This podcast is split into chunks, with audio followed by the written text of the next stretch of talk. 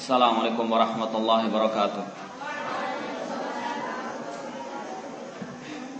Innal hamdalillah nahmaduhu wa nasta'inuhu wa nastaghfiruh wa na'udzu billahi min shururi anfusina wa min sayyiati a'malina. Man yahdihillahu fala mudhillalah wa may yudlil fala hadiyalah. Ashhadu an la ilaha illallah wahdahu la syarikalah wa ashhadu anna Muhammadan abduhu wa rasuluh. يا أيها الذين آمنوا اتقوا الله حق تقاته ولا تموتن إلا وأنتم مسلمون. يا أيها الناس اتقوا ربكم الذي خلقكم من نفس واحدة وخلق منها زوجها وبث منهما رجالا كثيرا ونساء واتقوا الله الذي تساءلون به والأرحام. إن الله كان عليكم رقيبا. يا أيها الذين آمنوا اتقوا الله وقولوا قولا سديدا. يصلح لكم أعمالكم ويغفر لكم ذنوبكم ومن يطع الله ورسوله فقد فاز فوزا عظيما. أما بعد فإن أصدق الحديث كتاب الله وخير الهدي هدي محمد صلى الله عليه وسلم وشر الأمور محدثاتها وكل محدثة بدعة وكل بدعة ضلالة وكل ضلالة في النار. Ikhwani fillah wa akhwati rahimani wa rahimakumullah.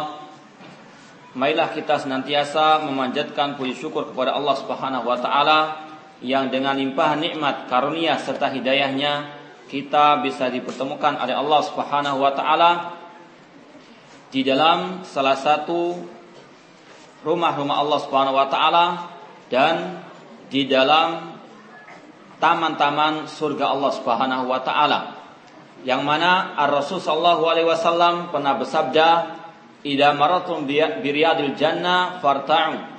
Apabila kalian melewati taman-taman surga, maka ambillah manfaat darinya. Para sahabat bertanya, "Apakah itu riyadul jannah?" Apakah itu, apa yang dimaksud dengan taman surga itu wahai Rasulullah? Beliau menjawab, "Hilakuz zikr." Yaitu majelis ilmu yang di situ dibacakan ayat-ayat Allah ataupun hadis-hadis Rasul sallallahu alaihi wasallam. Ikhwani fillah wa akhwati rahmani wa rahimakumullah. Kajian kita pada pagi hari ini berkaitan dengan tanda-tanda hari kiamat. Insya Allah kita akan menukilkan dari sebuah kitab yang berjudul Ashratus Sa'ah oleh Syekh Yusuf bin Abdullah bin Yusuf Al-Wabil hafizahullah taala. Kita akan membaca dari buku tersebut ataupun meringkas dari buku tersebut sesuai dengan kemampuan yang ada. Yang mana di sini beliau banyak sekali menyebutkan tanda-tanda hari kiamat, cuma kita tidak mungkin menyebutkan semuanya. Kita ringkas poin-poinnya, kita baca dalilnya, dan mungkin sedikit yang perlu disyarah kita syarah sesuai dengan apa yang dipahami oleh pengarang di sini. Dan itu insya Allah sangat bermanfaat bagi kita karena ini mencakup banyak permasalahan tentang keadaan yang terjadi di sekitar kita. Ikhwani fillah wa rahmani wa rahimakumullah. Eh sebelum kita masuk kepada poin demi poin daripada tanda-tanda hari kiamat Perlu kiranya untuk kita memahami bersama bahwasanya tanda hari kiamat itu dibagi oleh para ulama menjadi dua, tanda-tanda kecil hari kiamat dan tanda-tanda besar hari kiamat. Ada mungkin yang bertanya apa bedanya antara kedua hal itu, antara tanda-tanda kecil dengan tanda besar hari kiamat. Maka dijawab oleh pengarang di sini bahwasanya ada dua perbedaan antara tanda-tanda kecil dan tanda-tanda besar hari kiamat. Yang pertama, tanda-tanda kecil hari kiamat itu waktunya sebagian besar kebanyakannya masih jauh daripada kejadian hari kiamat itu sendiri. Adapun tanda-tanda besar hari kiamat ini sangat dekat waktunya dengan terjadinya hari kiamat atau kehancuran dunia ini. Ini perbedaan yang pertama. Perbedaan yang kedua, tanda-tanda hari kiamat kecil atau tanda-tanda kecil hari kiamat itu berkaitan dengan hal-hal yang tidak terlalu luar biasa. Tidak terlalu luar biasa. Seperti misalnya akan munculnya banyak kejahilan, eh, perzinahan dan sebagainya. Ini kejadian-kejadian yang tidak luar biasa. Artinya yang sudah dialami oleh banyak manusia. Adapun tanda besar hari kiamat ini berkaitan dengan hal yang luar biasa, yang jarang terjadi. Seperti nanti akan dijelaskan kalau memang ada waktunya tentang munculnya Dajjal, tentang terbitnya matahari dari arah barat. Ini tanda-tanda besar hari kiamat yang kejadiannya sangat luar biasa. Ini dua perbedaan antara tanda-tanda hari tanda-tanda kecil hari kiamat dan tanda-tanda besar hari kiamat. Dan juga kita wajib meyakini tidak ada seorang pun yang mengetahui tentang kapannya hari kiamat tersebut. Eh, seperti yang ditanyakan oleh Jibril kepada Rasulullah SAW ketika beliau mengatakan Fa'akhbirni Aisyah, beritahukanlah kepada aku tentang kapan hari kiamat itu. Rasul mengatakan mal mas'ulu anha bi'a'lama minasail. Yang ditanya dan yang bertanya tidak mengetahui tentang kapan hari kiamat tersebut. Dan demikian pula Allah berfirman, Yas'alunaka 'anis sa'ati ayyana mursaha. Kul inna ma ilmuha inda rabbi la yujalliha liwaqtiha illa huwa. Mereka bertanya kepada kamu wahai Muhammad tentang kapan datangnya hari kiamat. Katakanlah, kul inna ma ilmuha inda rabbi. Katakanlah ilmu tentang kapannya hari kiamat hanya Allah yang mengetahui. La yujalliha liwaqtiha illa huwa. Allah tidak menampakkan kapannya hari kiamat tersebut kecuali untuk dirinya sendiri. Ini yang wajib untuk kita yakini bersama. Tidak ingin tahu yang gaib kecuali Allah tidak tahu tentang kapannya hari kiamat kecuali Allah Subhanahu wa taala. Ya, maka dusta kalau ada yang mengatakan kiamat 2012 atau 13 atau yang lainnya. Ini adalah sekedar ya, kedustaan yang wajib untuk kita mendustakannya. Tidak yang tahu hari kiamat kecuali Allah Subhanahu wa taala. Kemudian tanda-tanda hari kiamat dilihat dari segi kemunculannya atau waktu kemunculannya dibagi oleh para ulama ada tiga. Yang pertama, tanda-tanda hari kiamat yang sudah lewat dan tidak akan mungkin muncul kembali. Seperti nanti akan dicontohkan diutusnya Nabi kita Muhammad SAW merupakan tanda-tanda hari kiamat.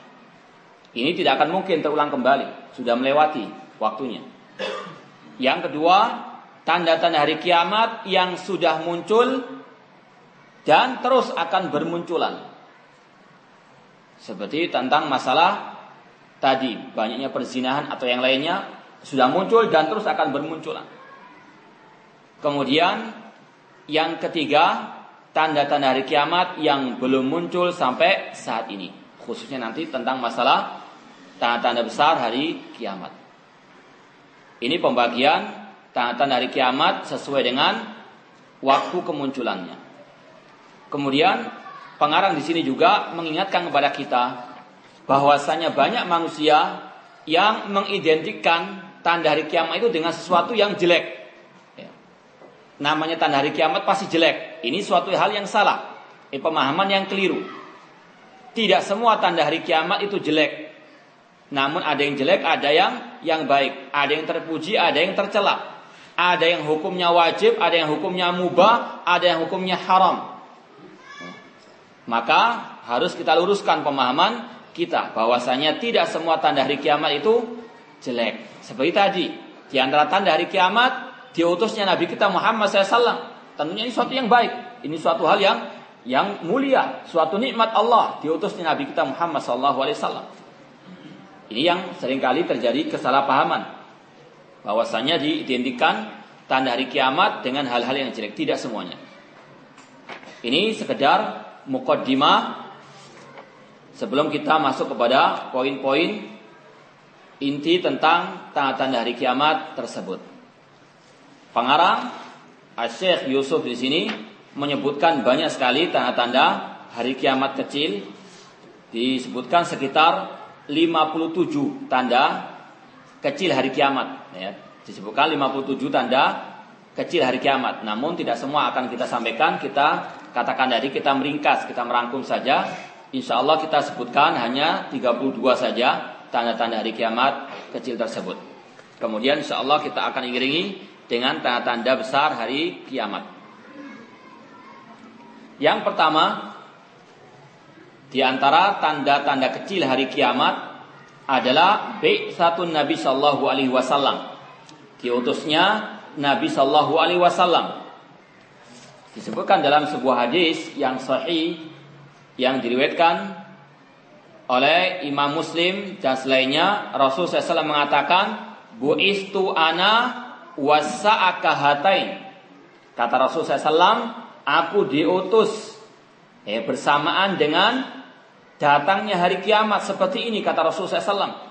Seraya beliau mengisyaratkan kepada kedua jari beliau, yaitu jari tengah dan jari telunjuk, menunjukkan akan dekatnya waktu datangnya hari kiamat dengan diutusnya Nabi Shallallahu Alaihi Wasallam. Ya, sekali lagi Rasul mengatakan, itu ana wasa'akahatain. Aku diutus bersamaan dengan hari kiamat seperti ini. Sangat dekat waktunya dengan diutusnya Nabi Muhammad Sallallahu Alaihi Wasallam.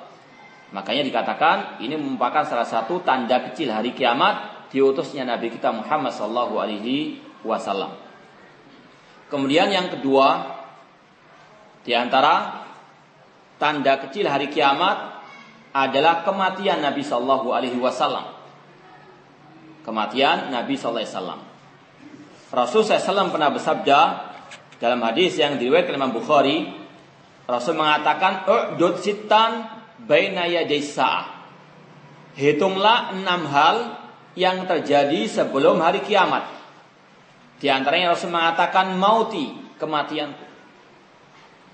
Kematian Nabi SAW merupakan salah satu tanda hari kiamat kecil atau tanda kecil hari hari kiamat. Dan ini merupakan musibah terbesar bagi kaum muslimin. Eh bahkan dalam sebuah riwayat Rasul mengatakan, ya siapa saya yang tertimpa musibah, maka ingatlah tentang apa? musibah kematian. Itu akan bisa meringankan kesedihannya karena kematian Nabi SAW merupakan hal yang sangat besar bagi umat Islam. Eh, sebagaimana yang kita ketahui bersama bagaimana para sahabat Rasulullah SAW eh mereka terkadang eh ketika menghadapi seperti itu sangat terguncang hati mereka seperti kisah Umar bin Khattab radhiyallahu anhu. Bagaimana mereka sangat terguncang dengan kematian Nabi Shallallahu Alaihi Wasallam, eh, seorang yang mereka mereka cintai. Eh, sampai-sampai dikatakan oleh Anas bin Malik radhiyallahu anhu, beliau mengatakan, "Lamma kana al-yawmul ladzi dakhala fi Rasul sallallahu al-Madinah, adha'a minha kullu syai'." Ya, ketika saat Rasul sallallahu masuk ke kota Madinah, bercahaya semua apa yang ada dalam kota Madinah dengan datangnya An Nabi Shallallahu Alaihi Wasallam. Falamma kana al-yawmu ladzi mata fihi adlama minha kullu syai. Namun ketika meninggalnya Nabi SAW terasa kota Madinah dilanda gelap gulita. Ini adalah hal yang sangat besar bagi para sahabat Rasulullah SAW dan ini merupakan salah satu tanda-tanda hari kiamat. Kemudian yang ketiga, di antara tanda hari kiamat adalah Fathu Baitul Maqdis. Ditaklukannya Baitul Maqdis. Dan ini sudah terjadi pada zaman kekhalifahan Umar bin Khattab radhiyallahu anhu dan beliau sendiri yang memimpin penaklukan terhadap Baitul Maqdis di Palestina. Beliau yang menundukkan orang-orang Yahudi dan Nasara ya di sana. Dan itu terjadi disebutkan di sini pada tahun 16 Hijriah. Pada tahun 16 Hijriah, Umar bin Khattab menaklukkan Baitul Maqdis. Rasul SAW pernah bersabda, lanjutan daripada tadi, kita baca agak lengkap sedikit di sini. Hadis riwayat Bukhari tadi kita sambungkan. Udud sitan baina Hitunglah enam perkara yang terjadi sebelum hari kiamat. Yang pertama kata Rasulullah mauti tadi, kematianku. Thumma fathu Baitul Maqdis. Kemudian penaklukan Baitul Maqdis. Thumma mutanun ya'khudhu fikum kaku'asil ghanam. Yang ketiga kata Rasulullah SAW yaitu wabah penyakit yang akan mematikan ya setiap dari kalian sebagaimana penyakit binatang yang membinasakan membinasakannya. Nanti akan kita masuk pada poin berikutnya. Kemudian kita baca selanjutnya hadis tadi Rasul mengatakan summa istifadatul mal hatta yu'tar rajulu mi'ata dinar fayadhallu sakhitan. Yang keempat akan melimpah ruah harta kaum muslimin. Sampai-sampai seseorang diberi 100 dinar ya, dia tidak puas sama sekali. Masih apa? masih murka, masih marah. Ya, dikarenakan tidak ada harganya harta seperti itu. Padahal itu harta yang sangat besar harga nilainya. Ini yang keempat, melimpah ruahnya harta kekayaan kaum muslimin. Summa fitnatun la yabqa baitun minal Arab illa dakhalathu. Kemudian yang berikutnya akan muncul suatu fitnah yang akan masuk ke tiap setiap rumah dari orang-orang Arab. Kemudian summa hudnatun takunu bainakum wa baina banil asfar. Akan terjadinya perjanjian damai antara kalian kaum muslimin dengan banil asfar yaitu orang-orang Romawi. Ini enam tanda-tanda kecil hari kiamat yang disebutkan Rasulullah SAW dalam satu konteks al-hadis. Di antaranya tadi Fathu Baitul Maqdis dalilnya sudah kita sampaikan tadi ini sudah terjadi pada zaman Umar bin Khattab radhiyallahu anhu pada tahun 16, 16 Hijriah. Eh dan semoga Allah Subhanahu wa taala yang menaklukkan kembali Baitul Maqdis ke tangan kaum muslimin. Kemudian yang keempat lanjutan daripada hadis tadi setelah Baitul Maqdis ditaklukkan kemudian akan terjadi wabah penyakit yang akan banyak mendatangkan korban-korban dari kaum muslimin. Rasulullah mengatakan, "Summa mutanun ya'khudhu fikum kaku asil ghanam." Akan ada wabah penyakit yang mematikan eh, kalian sebagaimana penyakit binatang membinasakan binatang tersebut atau penyakit hewan ternak seperti kambing atau yang lainnya. Dan ini juga terjadi pada zaman Umar bin Khattab radhiyallahu anhu. Dua tahun setelah penaklukan kota Maqdis atau Baitul Maqdis di Palestina terjadi wabah penyakit di tempat yang bernama Amwas di Palestina juga dan oleh karena itulah diistilahkan dengan Ta'unul Amwas atau Ta'un al-Amwas eh, wabah penyakit yang menimpa kota Amwas atau negeri Amwas di Palestina sana. Diceritakan bahwasanya 25 ribu eh 25 ribu kaum muslimin meninggal dunia pada wabah penyakit ini. Di antaranya seorang sahabat Rasul SAW yang merupakan salah satu sahabat yang dikabarkan dijamin masuk surga oleh Rasul SAW yang bernama Abu Ubaidah Ibnu Jarrah radhiyallahu taala anhu. Beliau meninggal dunia terkena taun amwas, wabah penyakit di amwas tersebut. Radhiyallahu taala anhu. Ini wabah penyakit yang merupakan salah satu tanda hari kiamat telah terjadi pada zaman Umar bin Khattab radhiyallahu taala anhu pada tahun 18 eh, Hijriah, dua tahun setelah penaklukan kota atau Baitul Maqdis. Ini tanda kecil hari kiamat yang keempat. Sekarang yang kelima, sesuai dengan urutan hadis tadi, istifadatul mal, melimpah ruahnya harta kekayaan kaum muslimin.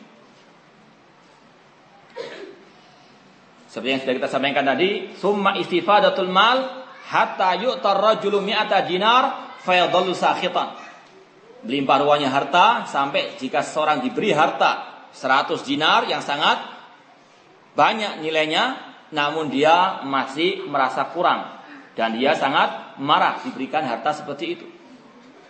Demikian pula dalam hadis yang lain disebutkan oleh Rasul SAW dari sahabat Abu Musa Ash'ari radhiyallahu anhu Rasul bersabda layatiyanna 'ala nasi zamanun yatufur rajulu fihi bisadaqati minaz zahab summa la yajidu ahadan ya'khudhuha minhu. Kata Rasul SAW akan datang suatu masa, suatu zaman yang mana ada seseorang dia berkeliling ya, ke tempat-tempat kaum muslimin untuk memberikan sedekah dari emas. Eh, sedekahnya bukan uang recehan, namun apa? Eh, sodako minaz zahab, uang dari dari emas. Namun tidak ada yang mau mengambilnya. Karena semua eh, memiliki apa? Harta tersebut. Melimpah ruahnya harta kaum muslimin pada waktu itu. Dan ini juga disebutkan oleh para ulama, ini sudah terjadi di antaranya pada zaman ya kekhalifahan Umar bin Abdul Aziz rahimallahu taala ataupun sebelumnya daripada khulafa ar-rasyidin yang harta kaum muslimin melimpah ruah pada saat itu. Ini yang kelima. Sekarang yang keenam, duhurul fitan. Munculnya fitnah. Sebagaimana tadi disebutkan Rasulullah SAW dalam hadis riwayat Bukhari, "Summa fitnatun." Kemudian munculnya fitnah. Eh di sini Rasulullah SAW menyebutkan fitnah tersebut secara umum. Eh bentuknya nakira summa fitnah. Artinya banyak fitnah akan menimpa kaum muslimin. Di antara fitnah yang muncul pada zaman awail, eh pada zaman permulaan Islam adalah munculnya banyak kelompok-kelompok sesat ya. Banyaknya kelompok-kelompok yang menyimpang. Sebagaimana yang telah disabdakan oleh Rasulullah sallallahu alaihi wasallam sataftariku hadil umma ala salasin wa sab'ina firqah kulluha finnar illa wahida. Bahwasanya akan terpecah belah kaum muslimin menjadi 73 golongan semuanya masuk neraka kecuali satu yaitu ma'ana ali washabi yang mengikuti aku dan para sahabatku. Disebutkan oleh Al-Imam Abdullah bin Mubarak rahimallahu taala kata beliau aslu isnataini wa hawan arba'atu ahwa kelompok pertama yang muncul eh, di tengah-tengah kaum muslimin itu ada empat atau benih daripada 72 kelompok yang sesat itu adalah empat kelompok. Atau yang bisa dikatakan nenek moyangnya kelompok-kelompok sesat itu ada empat. Kata Abdullah bin Mubarak rahimahullah ta'ala. Seorang ulama tabi'in. Beliau mengatakan yang pertama adalah Al-Khawarij. Kelompok Al-Khawarij. Yang kedua, kelompok Asyiatul Rafidah. Kelompok Rafidah.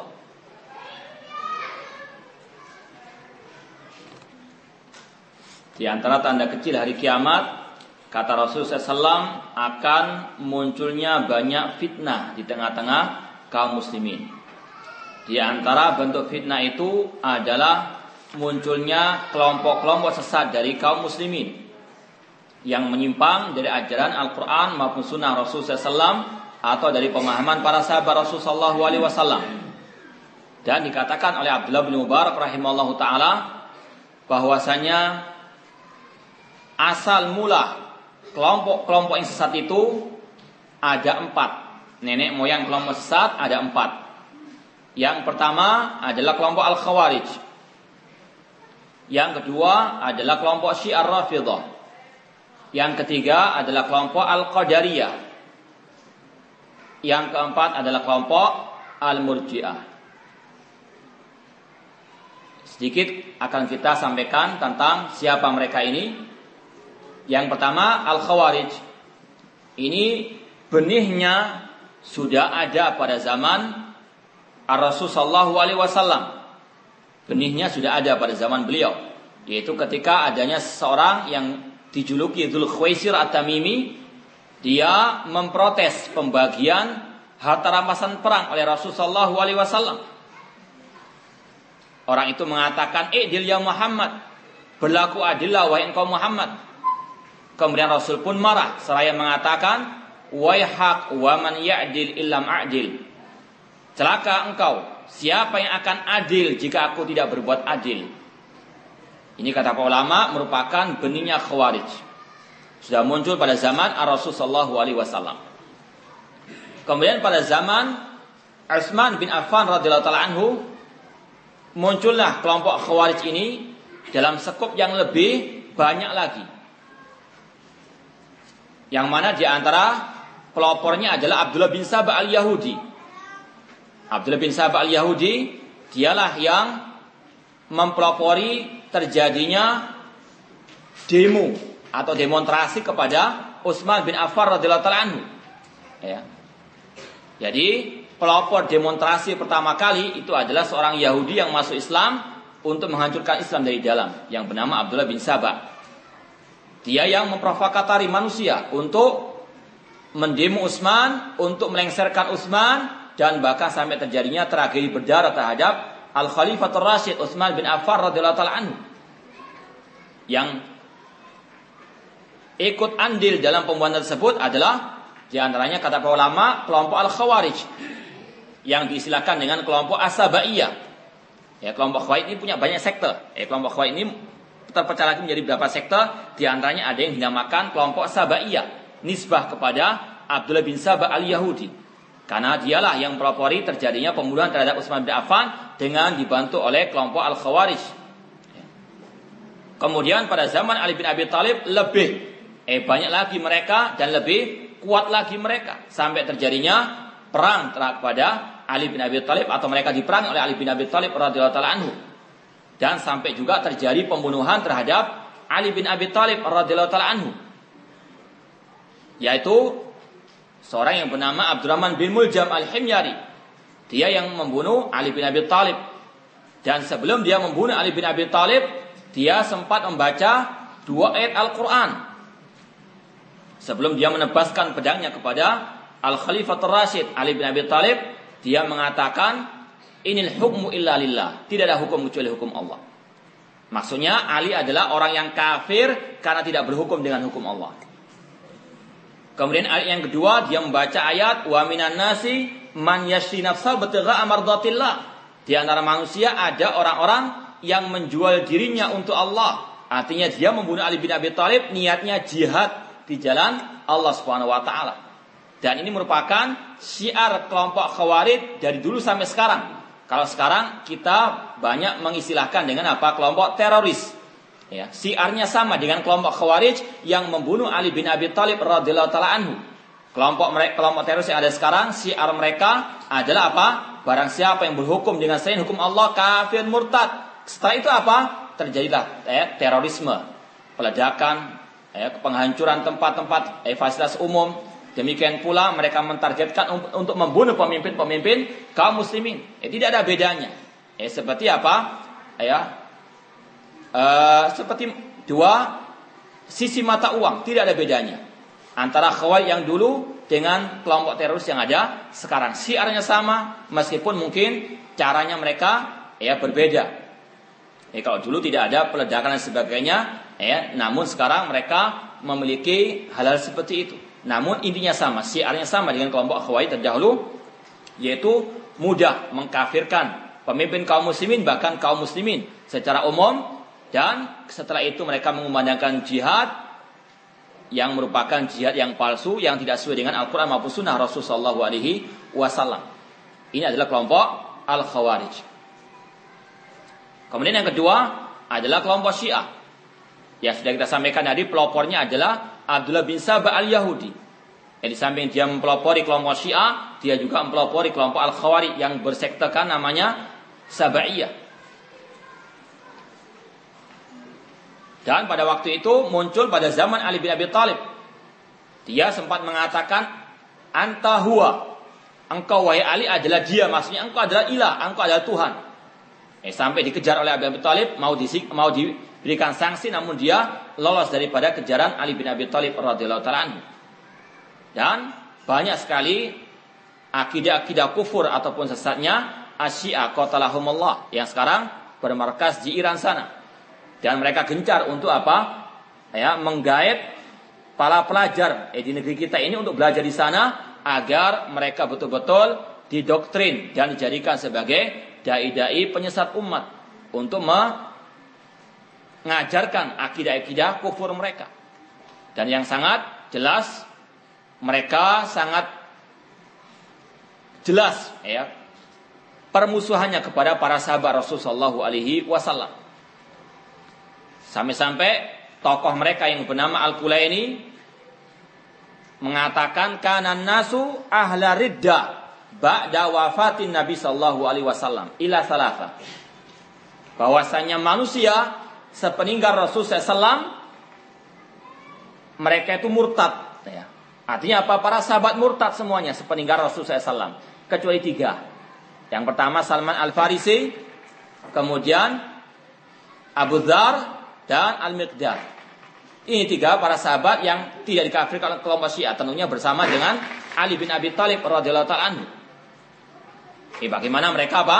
Mengkafirkan para sahabat Rasulullah alaihi wasallam kecuali sedikit saja. Bahkan mereka memiliki sebuah doa yang diistilahkan dengan doa sonamai Quraisy. Doa untuk dua berhala Quraisy yang mereka maksudkan adalah Abu Bakar wa Umar radhiyallahu taala anhuma. Eh, kalau kita lihat orang Syiah melakukan sholat, ya, itu kalau salam tidak seperti kaum muslimin. Kalau mereka tidak menggunakan takiyah, mereka salamnya dengan menepuk tangan mereka di atas paha mereka. Ya. Bukan mereka salamnya ke kanan ke kiri menolehkan wajahnya tidak. Namun apa menepukkan telapak tangan mereka ke atas paha mereka. Seraya berdoa Allahumma al-an Quraisy, Allahumma al-an Quraisy. Ya Allah, laknat dua berhala Quraisy. Eh, semoga lanat Allah atas mereka. Atas kelompok Syiah tersebut. Ini menunjukkan bagaimana kesesatan kelompok Syiah bahkan sampai kufur. Eh, mereka punya mushaf selain mushaf Al-Quran yang kita miliki. Yang disebut dengan mushaf Fatimah. Mereka menuhankan imam-imam mereka. Bahkan Al-Quran ini juga mengatakan bahwasanya imam-imam 12 mereka itu mengetahui kapan mereka mati dan mereka tidak mati kecuali apa? Dengan kehendak mereka sendiri. Ini adalah ucapan-ucapan kufur orang Syiah yang tercantum dalam kitab-kitab mereka. Makanya bagaimana mungkin akan terjadi persatuan antara Syiah dengan Sunnah? Ya. Bagaimana mungkin bisa terjadi persatuan antara Islam dengan Syiah? Bagaimana mungkin akan terjadi persatuan antara syirik dan tauhid, antara surga dan neraka? Tidak akan mungkin bisa terjadi. Ini sekilas tentang kelompok Syiah Rafidah qatalahumullah. Kemudian yang ketiga kelompok Al-Qadariyah yang muncul juga pada zaman awal-awal permulaan Islam, khususnya pada zaman sahabat Rasul SAW yang bernama Abdullah bin Umar radhiyallahu anhu. Eh, seperti yang dikisahkan oleh Imam Muslim dalam awal kitab Sahih Muslimnya, yaitu tentang hadis Jibril. Yang mana sebelum beliau membawakan hadis Jibril, beliau membawakan tentang suatu kisah yaitu dua orang tabi'in yang bernama Yahya bin Ya'mar dan Abdurrahman bin uh, Yahya bin Ya'mar dengan Abdurrahman Al-Himyari. Yang mana kedua orang tabi'in ini datang ke kota Mekah dari Basrah untuk apa? Meminta fatwa kepada para sahabat sekaligus mereka apa? Haji atau umrah. Ketika mereka bertemu dengan Abdullah bin Umar, mereka bertanya tentang sekelompok orang yang mengatakan anal amra unfun bahwasanya Allah tidak mengetahui sesuatu kecuali setelah terjadinya. Wa ala qadar dan mereka mengingkari takdir.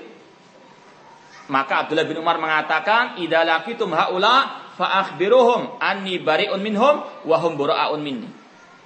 Kalau kalian bertemu lagi dengan mereka, beritahukanlah bahwasanya aku Abdullah bin Umar berlepas diri dari mereka dan mereka pun berlepas diri dariku. Waladi nafsi Abdullah waladi nafsu Abdullah bin Umar biyadi. Demi Allah yang jiwa Abdullah bin Umar ada di tangannya. Lau anna li ahadim atau lau anfaqa ahaduhum misla uhdin dahaban maka bilallah hatta yu'mina bil qadar. Kemudian kata Abdullah bin Umar, seandainya salah seorang di antara mereka itu menginfakkan satu gunung Uhud emas, tidak akan mungkin diterima sampai mereka beriman kepada kepada takdir. Kemudian beliau membawakan hadis Umar bin Khattab, hadis Jibril yang di situ ada antuk minabil qadar khair wa syarihi. Makanya kelompok ini dinamakan Qadariyah karena mereka apa menolak takdir Allah Subhanahu wa taala, mengingkari takdir Allah Subhanahu wa taala. Ini kelompok Qadariyah muncul pada zaman Abdullah bin Umar radhiyallahu taala anhuma. Kemudian kelompok Murji'ah ini banyak muncul pada zaman para ulama at-tabi'in. Di antara keyakinannya bahwasanya amal perbuatan bukan termasuk bagian daripada al-iman. Mereka mengatakan bahwasanya al-amal bukan bagian daripada al-iman. Bahkan lebih parah dari itu mereka mengatakan la yadurru mal imani dzambun kama la tanfa ma'a al-kufri ta'atun. Tidak memadaratkan keimanan dosanya manusia. Artinya dosa kata mereka tidak mempengaruhi iman. Sebagaimana ketaatan tidak bermanfaat bersama kekufuran. Adapun ahli sunnah mengatakan bahwasanya al-iman yang kusubil maksiat. Iman akan berkurang karena apa? Kemaksiatan. Dan itu yang dirasakan oleh setiap orang. Jika melakukan maksiat, pasti akan turun keimanannya. Ini secara singkat tentang fitnah yang muncul di tengah-tengah kaum muslimin berupa banyaknya kelompok-kelompok sesat yang bermunculan. Di antara akarnya adalah empat tadi. Kelompok Khawarij, kelompok Syiah, kelompok Qadariyah dan kelompok Al-Murji'ah. Eh, dan sampai sekarang terus mereka apa? Eh berkembang dan mereka subur di tengah-tengah kaum muslimin yang telah banyak tertimpa kejahilan. Terutama di negeri kita ini, tanahnya subur, demikian pula dengan apa? Kelompok-kelompok sesatnya juga banyak eh suburnya. Ini merupakan kebenaran sabda Rasul SAW yang mengatakan wa man ya'ish minkum fasayra ikhtilafan katsira. Barang siapa yang hidup sepeninggalku nanti, dia akan melihat banyak perselisihan atau perpecahan, banyaknya kelompok-kelompok sesat yang ada. Ini fitnah yang telah diperingatkan oleh Rasulullah SAW agar kaum muslimin berhati-hati. Jangan sampai apa masuk ke dalam golongan mereka. Yang hak cuma satu, ma'ana alihi wa. Yang mengikuti aku dan para para sahabatku. Kemudian di antara fitnah yang juga muncul kata Rasulullah SAW yang merupakan tanda-tanda hari kiamat, ya tanda-tanda kecil hari kiamat, yaitu banyaknya orang-orang yang keluar dari Islam dikarenakan urusan dunia. Dalam hadis riwayat Muslim, Rasul pernah bersabda, "Badiru bil a'mali fitanan." Bersegeralah kalian untuk beramal soleh sebelum datangnya suatu fitnah. Kakito il kakito ilil mudlim, eh, seperti potongan malam yang gelap gulita. Kata Rasul SAW, Yusbihur rajulu mu'minan wa yumsi kafiran. Di antara fitnah itu ada seseorang yang pagi harinya masih mukmin, sore harinya sudah sudah kafir. Wa yumsi mu'minan wa yusbih kafiran. Sore harinya masih mukmin, pagi harinya sudah kafir. Apa sebabnya? Kata Rasul SAW, ya bi'udinahu bi'aradin minad dunya yaitu dia menjual agamanya untuk mendapatkan bagian daripada dunia ini. Naudzubillah min dalik. Dan alangkah banyaknya orang-orang seperti itu. Menjual agamanya untuk mendapatkan dunia, menjual akidahnya untuk mendapatkan ya suara terbanyak di parlemen dan sebagainya, menghalalkan apa yang diharamkan, ya, melegalkan kesyirikan, kebid'ahan, menjual agama, menjual akidah untuk mendapatkan kursi di parlemen dan sebagainya. Demikian pula mereka menjual fatwa untuk apa? Mendapatkan keuntungan duniawi. Sebagaimana juga Allah berfirman tentang ahli kitab, ya ayyuhalladzina amanu inna katsiran min ahli kitab atau uh, Allah berfirman Ya ayyuhalladzina amanu inna katsiran min ahli kitab la ya'kuluna amwalan nasi bil batil. Wahai orang beriman, Sesungguhnya kebanyakan Alkitab mereka layak kuluna amwalan nasi bil batil. Mereka makan harta manusia dengan dengan cara yang batil. Yaitu dengan apa? Menjual agama untuk mendapatkan urusan dunia. Dan itu yang juga terjadi tengah-tengah kaum muslimin. Di antaranya mereka-mereka yang memiliki ilmu agama namun untuk melegalkan yang haram mereka rela untuk apa? Berfatwa tanpa hak. Ini yang di sabdakan Rasul SAW telah terjadi banyaknya fitnah yang muncul di tengah-tengah kaum muslimin yaitu fitnah yang menjadikan orang tersebut lalai dari takwa kepada Allah, tidak takwa kepada Allah sehingga dia menjual agamanya, menjual akidahnya untuk mendapatkan keuntungan duniawiyah. Kita masuk lagi kepada poin yang ketujuh di antara tanda kecil hari kiamat yaitu munculnya nabi-nabi palsu. munculnya nabi-nabi palsu. Rasul SAW bersabda dalam hadis riwayat Bukhari dan Muslim, "La taqumus sa'atu hatta yub'atsa dajjaluna kadzabuna qaribun min salasin kullum yaz'umu annahu Rasulullah." Tidak akan tegak hari kiamat sampai diutusnya para dajjalun. Ya dajjalun artinya kadzabun para pendusta. Jumlah mereka kurang lebih ada 30 koribun min salasin. Semuanya mengaku sebagai Rasulullah sebagai utusan Allah.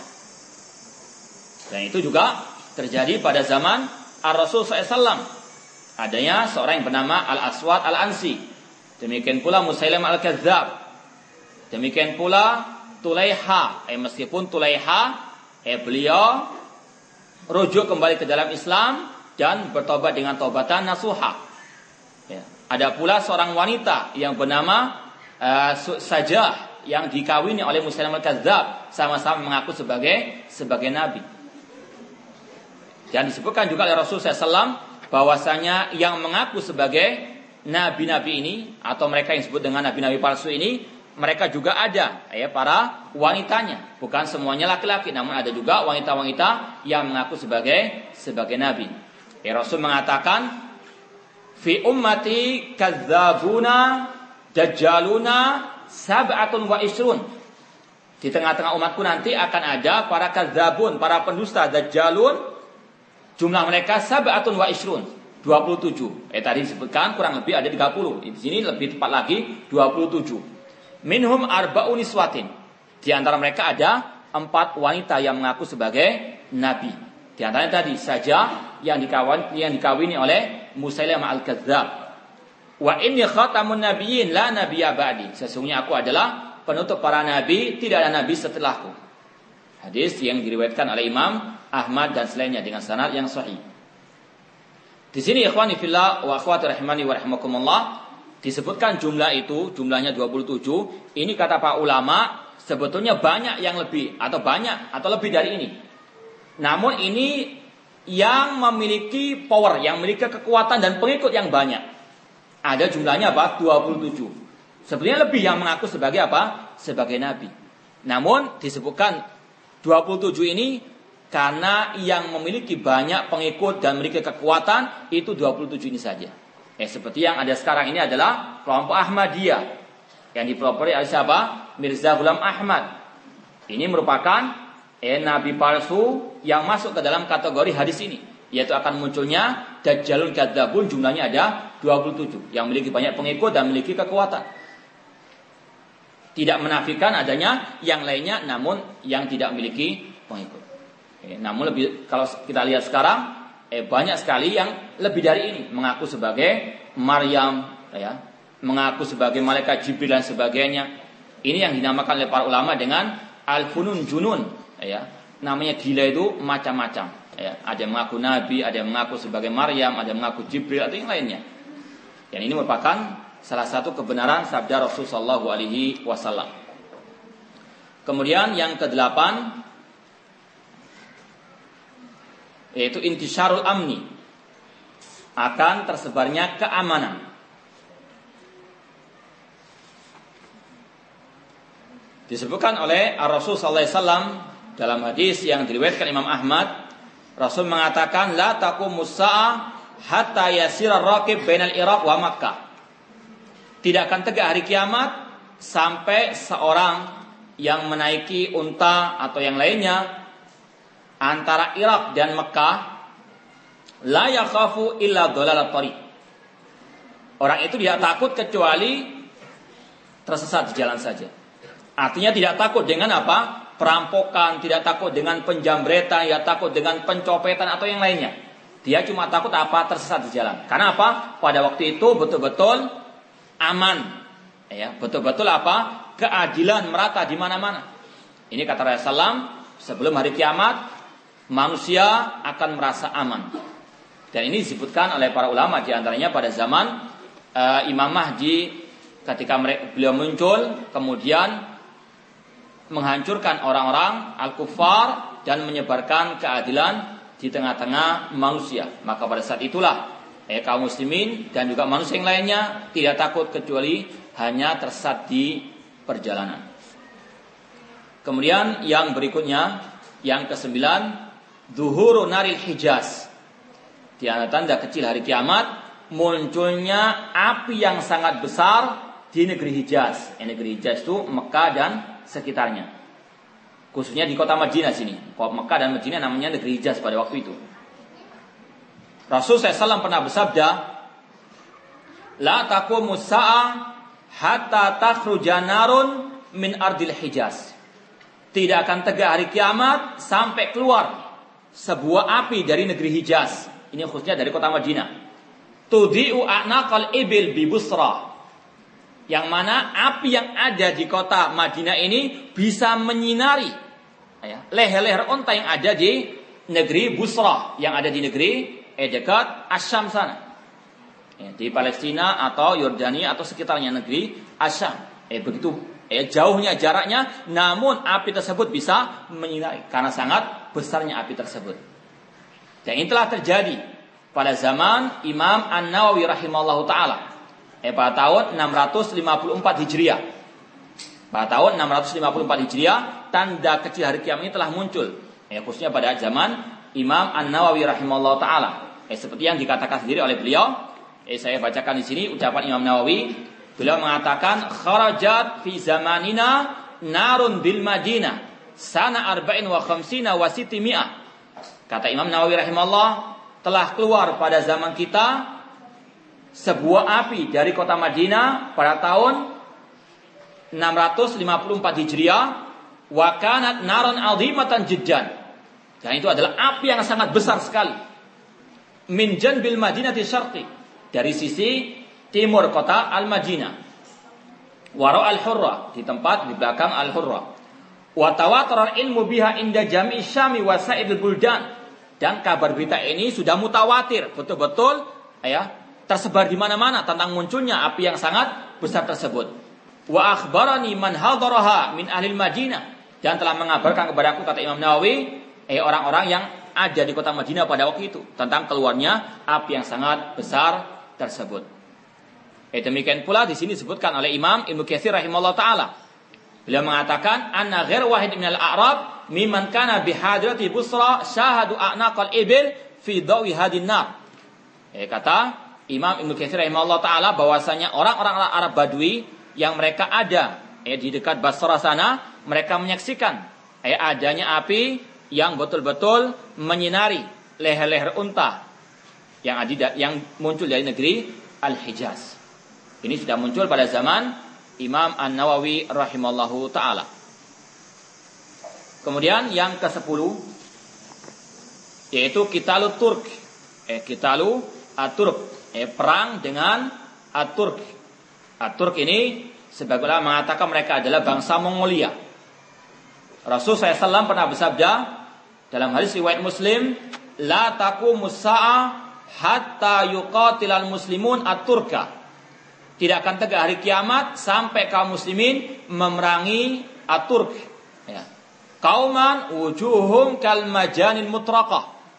Yang mana disifati oleh Rasulullah SAW Kaum Turk itu adalah kaum yang wajah mereka kalmajan seperti perisai. Disebutkan nanti dalam hadis yang lain hidungnya pesek ya dan matanya sipit. Yalbasuna syar. Eh mereka memakai baju dari bulu hewan. Wayamshuna fisyar dan mereka berjalan dengan memakai sandal dari bulu-bulu hewan. Ini kata para ulama juga terjadi pada zaman kekhalifahan Muawiyah bin Abi Sufyan radhiyallahu taala anhu. Eh, beliau yang memerangi kelompok Atur tersebut. Yang ke-11 di antara tanda-tanda kecil hari kiamat doyaul amanah. Disia-siakannya amanat. Rasul SAW pernah bersabda dalam hadis yang diriwayatkan oleh Abu Hurairah radhiyallahu anhu, Beliau mengatakan idza duyatil amanah fantadris saah. Apabila telah disia-siakannya amanat, maka tunggulah kiamat. Kemudian Abu Hurairah bertanya, "Kaifa idha'atuha ya Rasulullah?" Bagaimana disia-siakannya amanah tersebut? Kemudian Rasul mengatakan, "Idza usnidal amru ila ghairi ahlihi fantadiri sa'ah." Apabila diserahkannya sebuah urusan kepada selain ahlinya, maka tunggulah datangnya hari kiamat. Hadis riwayat Imam Al-Bukhari rahimallahu taala. Dan kalau kita perhatikan di sekeliling kita berapa banyak hal-hal yang menunjukkan akan keberadaan Nabi Shallallahu Alaihi Wasallam ini. Berapa banyak manusia-manusia yang memegang eh, kekuasaan ataupun jabatan ataupun pekerjaan yang bukan ahlinya. Dan yang lebih parah dari itu tentang urusan agama. Eh berapa banyak orang yang bukan ahlinya. Mereka apa? Eh berfatwa tanpa ilmu, berdakwah tanpa ilmu, maka ini di antara apa? atul amanah, menyanyiakan amanah. Eh bukan ahlinya, namun apa berbicara tentang urusan agama tanpa ilmu sehingga dolla wa adol sesat dan menyesatkan seperti yang akan disebutkan nantinya. Demikian pula yang diistilahkan dengan istilah nepotisme, menyerahkan jabatan atau yang lainnya kepada orang yang bukan ahlinya, sehingga terjadinya apa? Terjadinya faudah, ya hal-hal yang tidak teratur dan sebagainya. Meskipun dalam hal ini nepotisme itu kalau dalam artian orang itu memang berhak menyandang jabatan itu dan dia ahli tidak ada masalah meskipun adalah dari karib kerabat sendiri tidak ada masalah itu nepotisme yang dibolehkan yang tidak dibolehkan apa kalau orang itu bukan ahlinya namun dikarenakan eh kerabatnya kemudian diangkat eh maka ini adalah suatu hal yang merupakan hal yang merupakan tanda-tanda hari kiamat yang telah disabdakan Rasulullah SAW tadi. Ida usti dalam amr ilah ghairi ahlihi. Apabila telah disandarkan, diserahkan suatu urusan atau pekerjaan kepada yang bukan ahlinya, maka ini merupakan tanda-tanda tanda-tanda kecil hari kiamat yang tercela.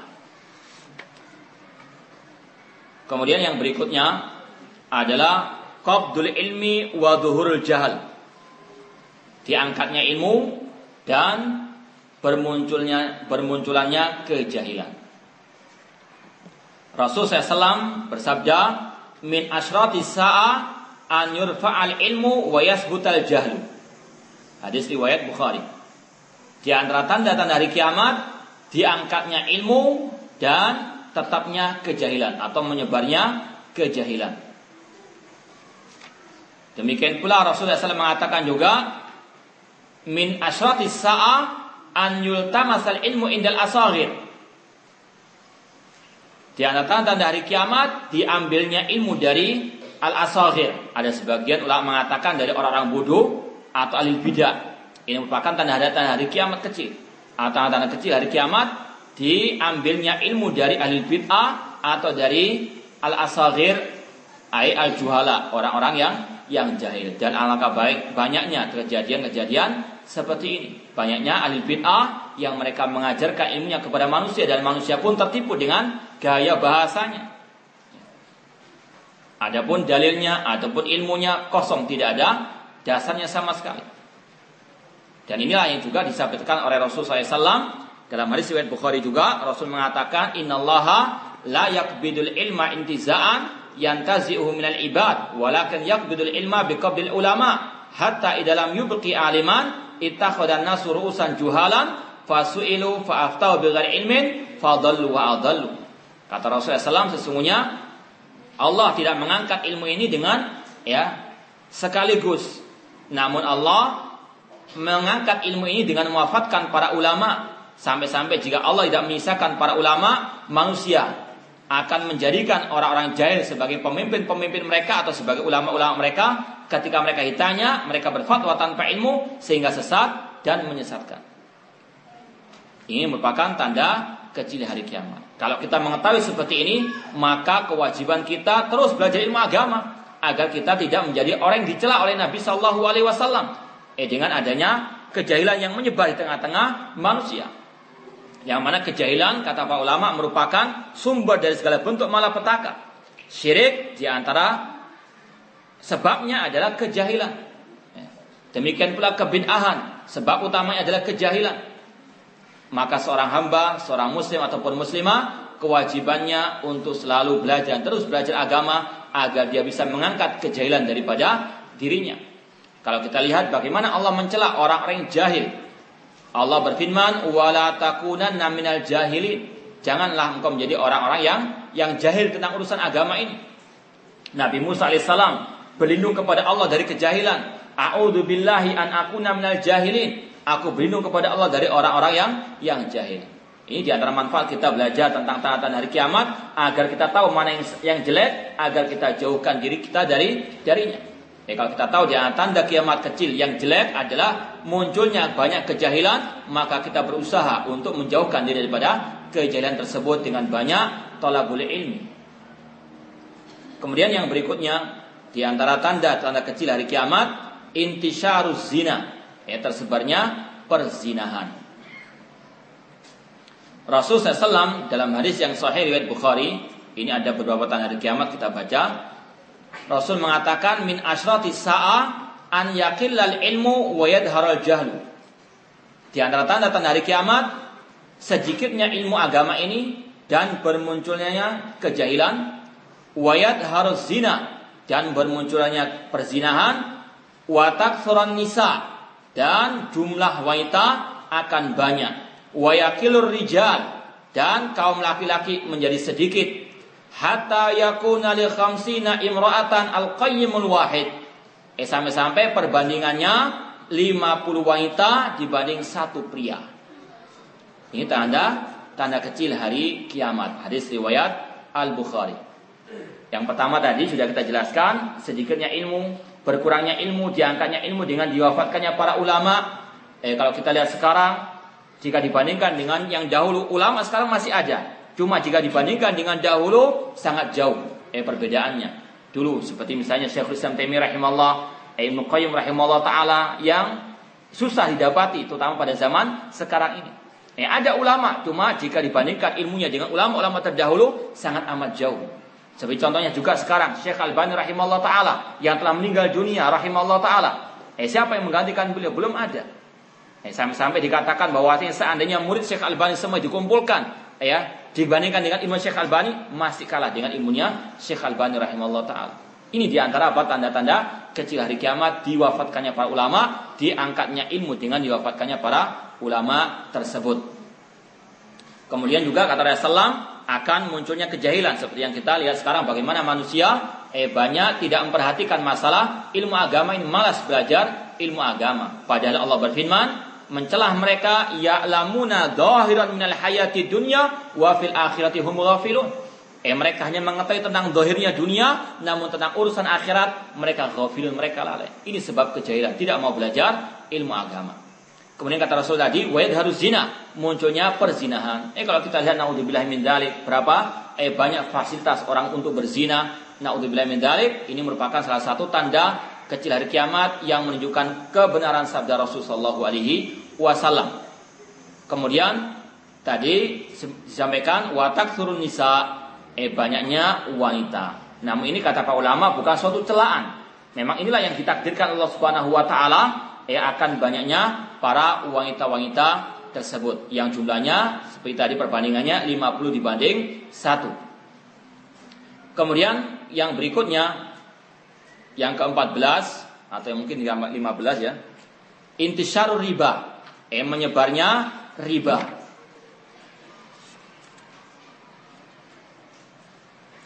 Rasul SAW bersabda, "Baina yaday sa'a yadharur riba."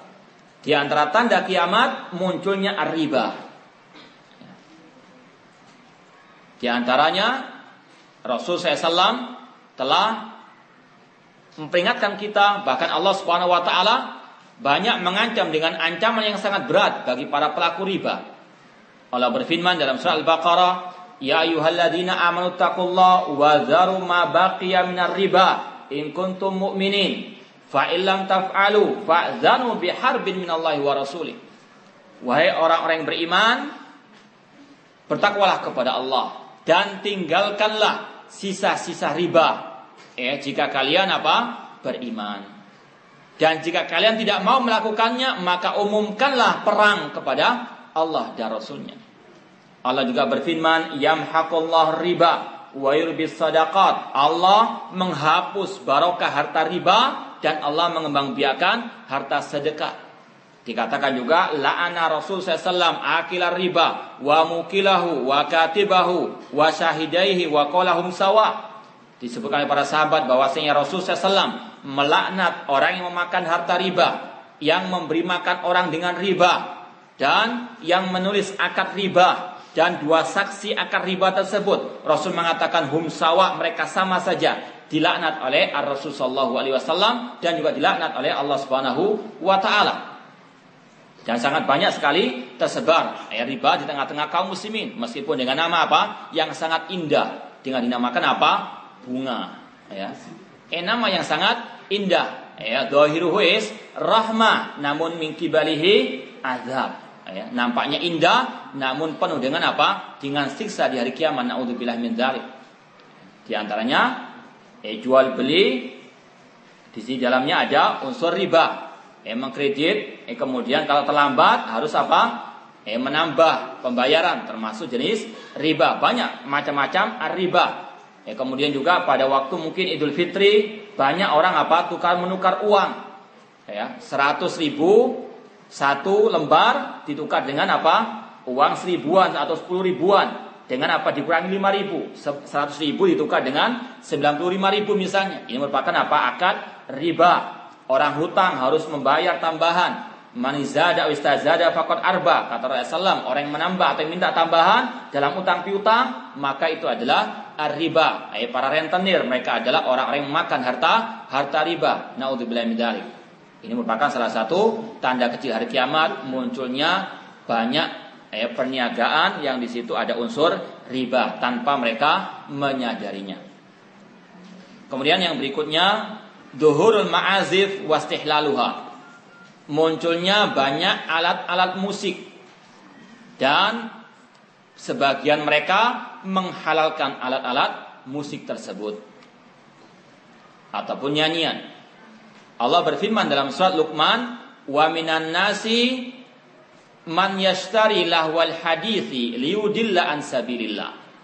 Di antara manusia ada yang membeli lahwal hadith untuk menyesatkan manusia dari jalan Allah. Abdullah bin Mas'ud mengatakan lahwal hadis di situ adalah al-ghina nyanyian. Allah mengatakan itu adalah suatu hal yang menyesatkan manusia dari jalan Allah Subhanahu wa taala. Maka hukumnya jelas, nyanyian dan alat musik adalah haram. Dan Rasul mengatakan la yakunanna fi ummati man yastahilluna al-hira wal harira wal khamra wal ma'azif. Nanti akan ada umat di antara umatku yang menghalalkan perjudian sutra bagi laki-laki dan minuman-minuman keras dan juga al ma'azif, alat-alat musik. Ya, apalagi sekarang kalau kita lihat, kalau kita tengok sebagian kaum muslimin, terutama para pemuda-pemudinya, bahkan anak yang kecil, kalau ditanya mau jadi apa nantinya, jadi artis, jadi penyanyi dan seterusnya. Ini di antara apa? Tanda-tanda kecil hari kiamat menyebarnya al musik sehingga manusia pun terlena. Dan merupakan Al-Quran Al-Karim yang merupakan sumber hukum Islam yang merupakan syifa obat bagi penyakit hati. Yang mendatangkan ketenangan bagi mereka. Nah mereka banyak terjebak ke dalam tipu daya syaitan dengan mereka menghalalkan eh, alat-alat musik tersebut. Bahkan sebagian mereka yang berstatus sebagai ustadz ataupun ulama atau kiai mereka pun menghalalkan. Bahkan ikut apa? Ikut nyanyi juga. Ya, ini adalah min asrati asa. Kemudian yang ke-16 atau mungkin setelahnya kasratu syurbil khamri wastihlaluha eh sama seperti tadi juga kita sebutkan dalilnya. Banyaknya manusia yang meminum al khamr Ini dalilnya sudah kita sebutkan tadi akan ada di tengah umatku yang menghalalkan al-khamra wal ma'azif. Nyanyian dan atau alat musik dan juga al-khamr. Kemudian yang berikutnya yang di sini ke-17 di antara tanda hari kiamat zakhraf tutup masajid wa tabahimiha yaitu berlebih-lebihan dalam menghiasi masjid dan at-tabahibiha berbangga-bangga dengannya. Rasul SAW bersabda, la taqumus sa'a hatta yatabahan nasu fil masajid. Tidak akan tegak hari kiamat sampai manusia berbangga-bangga, berlomba-lomba di dalam apa? menghiasi atau membangun masjid. Hadis riwayat Imam Ahmad dengan sanad yang sahih. Demikian pula Rasul mengatakan min asyrati sa'a an yatabaha nasu fil masajid. Eh, hadis riwayat An-Nasa'i. Membangun masjid eh, suatu fadilah, suatu keutamaan. Cuma segala sesuatu tidak boleh apa? Berlebih-lebihan. Cukup masjid itu untuk menangani manusia dari hujan, dari kepanasan. Yang penting mereka di sana bisa apa? Bisa khusyuk melaksanakan ibadah kepada Allah. Tidak apa? Dihiasi dengan ya kaligrafi-kaligrafi di, de, eh, di depan dinding-dindingnya eh, sehingga manusia apa akan eh, terlena dengan hiasan tersebut tidak khusyuk dengan sholatnya ini juga yang dilarang oleh syariat Allah Subhanahu wa taala terkadang manusia terbalik ya. sesuatu yang mendatangkan kekhusyuan mereka menjauhkan diri darinya namun mereka mendatangkan hal-hal yang mengganggu kekhusyuan manusia Eh bahkan eh, di tempat kita di Surabaya sana ada sebuah masjid pas di depan ya soft pertama dan depan imam itu ada kolam ikan. Ya, dan itu saya alami sendiri. Eh ketika diminta khutbah Jumat, eh saya sangat eh terganggu sekali bagaimana ikan-ikan itu ya lewat mondar mandir ke sana kemari eh sedangkan kita dalam keadaan membaca ya surah dan seterusnya dan itu yang saya khawatirkan jangan sampai apa nanti terlena dengan ikan tersebut. Ini suatu hal yang terbukti dengan sabda Rasul SAW. Ya mungkin di Lombok ini tidak ada ya. Eh cuma ini yang ada di tempat kita. Bagaimana soft pertama tidak ada dinding, yang ada kaca. Jadi terlihat jelas ikan ikan itu mondar mandir. Eh bisa dibayangkan bagaimana orang sholat melihat ikan seperti itu, apalagi yang hobi ikan, ya. Mungkin sholatnya bukan menghitung zikir, tapi menghitung apa berapa banyaknya ikan tersebut. Ini adalah kenyataan yang ada di tengah-tengah kaum muslimin yang merupakan salah satu tanda kecil hari kiamat. Umar bin Khattab radhiyallahu anhu, eh Umar bin Khattab radhiyallahu anhu pernah beliau ketika merenovasi Masjid Nabawi, beliau mengatakan akinan nasa minal motor. Ya. Masjid itu kalian renovasi tujuannya untuk apa? Mencegah manusia terkena air hujan ketika mereka beribadah di dalamnya. Wa iyyaka an tuhammira aw. Kata Imam ah, kata Umar bin Khattab radhiyallahu anhu, jauhkanlah ya kalian dari menghiasi Masjid Nabawi tersebut dengan apa? Ya, memberi warna merah atau marah, warna kuning yang melalikan manusia daripada as-salatnya daripada zikir kepada Allah. Eh fataftinan sehingga engkau pun atau fataftinan nas sehingga engkau pun menfitnah manusia. Ini yang diajarkan oleh as-salafus saleh. Eh bagaimana Pak? Mereka makmurkan masjid dengan ibadah, bukan makmurkan masjid dengan menghiasi masjid-masjid tersebut. Masjidnya masya Allah empat lantai, namun sholat subuh cuma imam dan makmum satu orang saja. Ini banyak terjadi. Ya, itu pun masih direnovasi terus. Ini banyak terjadi. Ya. Yaitu apa? senangnya berbangga-bangga dengan masjid. Namun tidak apa memakmurkan masjid dengan ibadah kepada Allah Subhanahu wa taala. Kemudian yang ke-18 di antara tanda kecil hari kiamat at-tatawul fil bunyan. Meninggi-ninggikan bangunan. Kalau dalam hal ini kata para ulama ini sesuatu yang mubah. Ya, meninggikan bangunan tidak ada masalah selama apa? Memang dibutuhkan, bukan hal yang mubazir, bukan hal yang sia-sia. Ini urusan dunia tidak ada masalah kecuali kalau tujuannya untuk apa? Untuk ria, untuk sombong dan sebagainya, maka beda masalah. Namun secara asal Rasul SAW ketika menceritakan tentang salah satu tanda hari kiamat, yaitu banyaknya manusia yang meninggikan bangunannya, ini bukan suatu hal yang apa? Yang tercela secara asal, kecuali kalau ada hal-hal yang bertentangan dengan syariat Allah Subhanahu wa taala. Eh, seperti dalam hadis Jibril, Rasul mengatakan atau ketika ditanya, "Fa akhbirni an amaratiha." Beritahukanlah kepada aku tentang tanda-tanda hari kiamat. Kemudian Rasul mengatakan, "Antalidal amatu rabbataha wa antaral hufat al-urat al-ala tari'asa yatatawaluna fil bunyan." Di antara tanda hari kiamat kata Rasulullah, engkau ya atau akan dilahir, akan ya dilahirkannya seorang tuan dari budaknya. Nanti akan kita jelaskan. Kemudian wa antalal hufatal uratal alata. Engkau melihat orang-orang yang dahulu tidak beralas kaki, tidak berpakaian, eh mereka adalah pengembala kambing atau yang lainnya.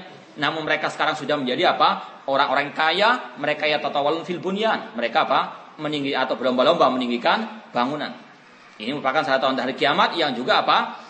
Ya, sudah terjadi pada saat sekarang ini. Bagaimana ya, gedung-gedung pencakar langit dan sebagainya yang sangat tinggi menjulang di angkasa kata orang ini merupakan tanda hari kiamat. Meskipun kata pak ulama ini bukan suatu yang tercela secara asal. Eh kecuali kalau memang tujuannya untuk apa? Untuk pamer tujuannya untuk hal-hal yang tidak diinginkan oleh syariat Allah Subhanahu wa taala. Kemudian tanah berikutnya tadi seperti yang dalam hadis Jibril adanya seorang anak yang menjadi tuan bagi bagi ibunya.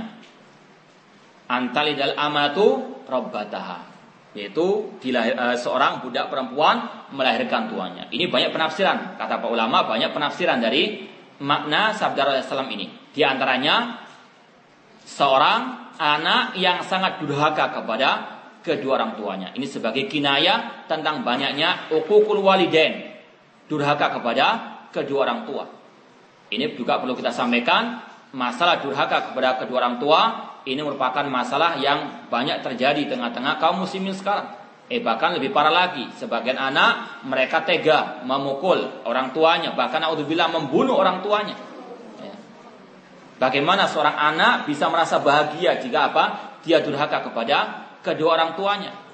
Rasul SAW bersabda dalam hadis riwayat Muslim, La'anallah man sabba walidai. Allah melaknat seorang anak yang mencaci maki kedua orang tuanya. Kalau Allah sudah melaknat, bagaimana dia akan bisa mengharapkan rahmat dari Allah Subhanahu wa taala? Eh bahkan kata Rasul SAW di antara dosa yang dipercepat ikopnya, azabnya, siksanya di dunia adalah al-uquq, yaitu masalah apa durhaka kepada kedua orang tua. Bahkan Rasul SAW mengatakan salah satu layak barullahu minhum ha, sarfan wala adla. Ada tiga golongan manusia yang tidak akan Allah terima amal ibadahnya, yang wajib maupun yang sunnah. Di antaranya al-aku, anak yang durhaka, tidak diterima amal ibadahnya Allah Subhanahu wa taala. Eh meskipun dia tidak kafir, namun dia tidak diterima amal ibadahnya kata Rasulullah. Ya. Al-ak, anak yang durhaka. Oleh karena itulah Allah Subhanahu wa taala banyak sekali menyebutkan masalah birrul walidain, berbakti kepada kedua orang tua dengan masalah apa? At-tauhid. Wa'budullaha wa la tusyriku bi syai'a wa bil walidaini ihsana. Sembahlah Allah, beribadahlah kepada Allah, jangan engkau menyekutukannya dengan sesuatu apa pun dan berbuat baiklah kepada apa? kedua orang tua. Ini sering Allah sebutkan setelah masalah at-tauhid. Karena apa? Karena yang pertama Allah yang menciptakan manusia dan ya, Allah lah yang memberikan rezeki kepada mereka. Kemudian yang paling berjasa setelah itu adalah kedua orang tua yang melahirkan mereka, khususnya para ibu. Eh demikian pula yang menafkahi mereka selama mereka eh masih dalam naungan orang tua, mereka eh sangat membutuhkan pertolongan orang tua, maka jangan pernah seorang hamba, seorang muslim melupakan eh jasa-jasa kedua orang tua. Karena bagaimanapun mereka adalah orang yang paling berjasa kepada eh, Bahkan orang tua yang kafir pun tetap Allah perintahkan untuk seorang anak berbakti kepada keduanya. Allah berfirman, "Wa in jahadaka ala an tusyrika bi ma laysa bihi ilmun fala tuti'huma wa sahibhuma fid dunya ma'rufa." Jika kedua orang tua kalian atau kedua orang tuamu memerintahkan untuk berbuat syirik yang tidak engkau miliki pengetahuan tentangnya, fala tuti'huma. Jangan engkau taati keduanya. Lakin wasahibhuma fid dunya ma'ruf akan tapi tetap pergaulah dengan. Kalau kedua orang tua kafir saja kita dibolehkan, disyariatkan, diperintahkan untuk berbaik kepada mereka, apalagi yang masih muslim. Eh, maka bertakwalah eh para anak-anak untuk apa? terus berbakti kepada kedua orang tua, khususnya mereka yang mungkin belajar di mahat seperti ini, maka orang tua menginginkan agar mereka sukses dalam pendidikan. Jangan sia-siakan amanah orang tua. Kalau kita menyanyiakannya, maka itu adalah salah satu bentuk kedurhakaan seorang anak kepada orang tuanya. Ya, orang tuanya sudah susah payah menafkahinya, menyekolahkannya, namun dia malas belajar. Ini mungkin salah satu apa di antara durhaka kepada kedua kedua orang tua, apalagi sampai menyakiti kedua orang tua, sampai orang tua tahu dia malas belajar, mungkin suka bolos dan sebagainya, tidak mau eh belajar sama sekali misalnya. Ini merupakan salah satu bentuk durhaka kepada kedua orang tua karena menyakiti, ya. Karena menyakiti hati orang tua bukan hanya dengan ucapan, namun bisa jadi dengan apa? perbuatan seperti tadi. Seorang anak malas belajar, tidak mau belajar, padahal orang tuanya menginginkan agar dia menjadi anak yang berguna bagi agamanya, bagi kedua orang tuanya, dan bagi dirinya sendiri.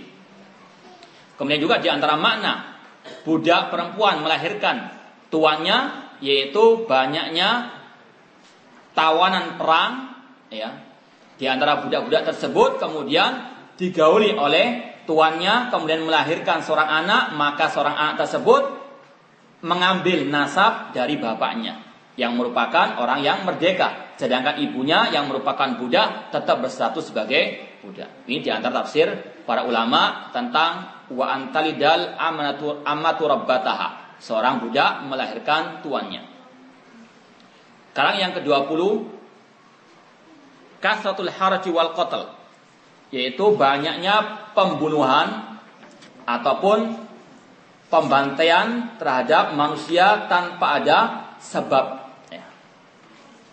Sebagaimana Rasul mengatakan, la taqumu hatta yaksural harju. Tidak akan tegak hari kiamat sampai banyaknya al-harj. Kalau wa mal harju ya Rasulullah? Para sahabat bertanya, apa itu al-harju ya Rasulullah? Beliau menjawab al-qatlu al-qatlu pembunuhan dan pembunuhan. Hadis ini diriwayatkan Imam Muslim. Dalam riwayat lain Rasul mengatakan walladzi nafsi biadi demi jiwaku yang ada di tangannya la tadhabud dunya hatta ya'tiya 'alan nasi yaumun la yadril qatil fima qatal. Tidakkah atau demi jiwaku yang ada di tangannya tidaklah dunia ini akan musnah tidak akan tegak hari kiamat sampai datang kepada manusia suatu zaman, suatu hari yang mana al-qatil yang membunuh tidak tahu untuk apa dia membunuh. Iseng saja. Walal maktul fima kutila. Demikian pula yang terbunuh, yang dibunuh tidak tahu mengapa dia apa? Mengapa dia dibunuh? Karena apa? Banyaknya pembunuhan tersebut. Kemudian fakila kaifa yakun dalik qala al-harju. Bagaimana kejadian itu atau bagaimana selanjutnya kata Rasulullah Al-qatil wal maktul finnar. Kedua-duanya masuk ke dalam api neraka. Karena mungkin sebagaimana dalam hadis yang lain, mereka satu sama lain saling apa? Ingin membunuh. Kemudian yang ke-21, taqarrubuz zaman. Cepatnya waktu ini berjalan. Rasul SAW bersabda, La takum musa'ah hatta yataqarrabaz zaman tidak akan tegak hari kiamat sampai cepatnya waktu ini berjalan. Hadis riwayat Al-Bukhari. Di sini kata para ulama ada dua maknanya. Ada yang memaknai ini terjadi nanti pada waktu zaman Dajjal. Eh, yang mana Rasul mengatakan satu hari seperti satu tahun, eh, dan seterusnya. Ada pula yang mengatakan barokah waktu itu dicabut oleh Allah Subhanahu wa taala. Barokah waktu dicabut oleh SWT. Waktu sama 24 jam sejak dahulu kala. Namun tidak ada barokah. Eh kalau dulu para ulama Masya Allah satu hari bisa mengarang satu kitab. Ya. Sedangkan kita satu halaman saja belum bisa apa? Jangan mengarang, membaca saja kadang apa? Tidak bisa. Nggak ada barokah dalam waktu tersebut.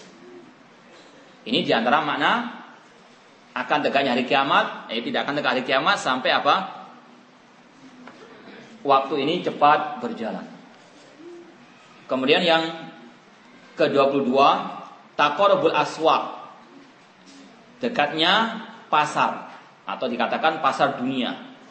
Takorobul aswaq. Rasul mengatakan dalam hadis yang sahih riwayat Imam Ahmad, la taqumus sa'atu hatta tadharal fitanu wa yakthural kadhibu wa tataqarabul aswaq. Tidak akan tegak hari kiamat sampai munculnya banyak fitnah, banyaknya kedustaan dan tata korabul aswak dekatnya pasar. Disebutkan oleh Syekh Hamud atau Ejiri di sini Dikarenakan sekarang teknologi yang canggih, ya, apalagi dengan internetnya, dengan ya IT-nya dan seterusnya, maka ataupun alat-alat transportasi yang sangat cepat, maka pasar dunia ini sangat dekat. Ya. Kata beliau di sini, mungkin di Eropa sana sudah ada kenaikan harga suatu barang, maka di Indonesia pun langsung dinaikkan. Cepat ber, ya, berkomunikasi.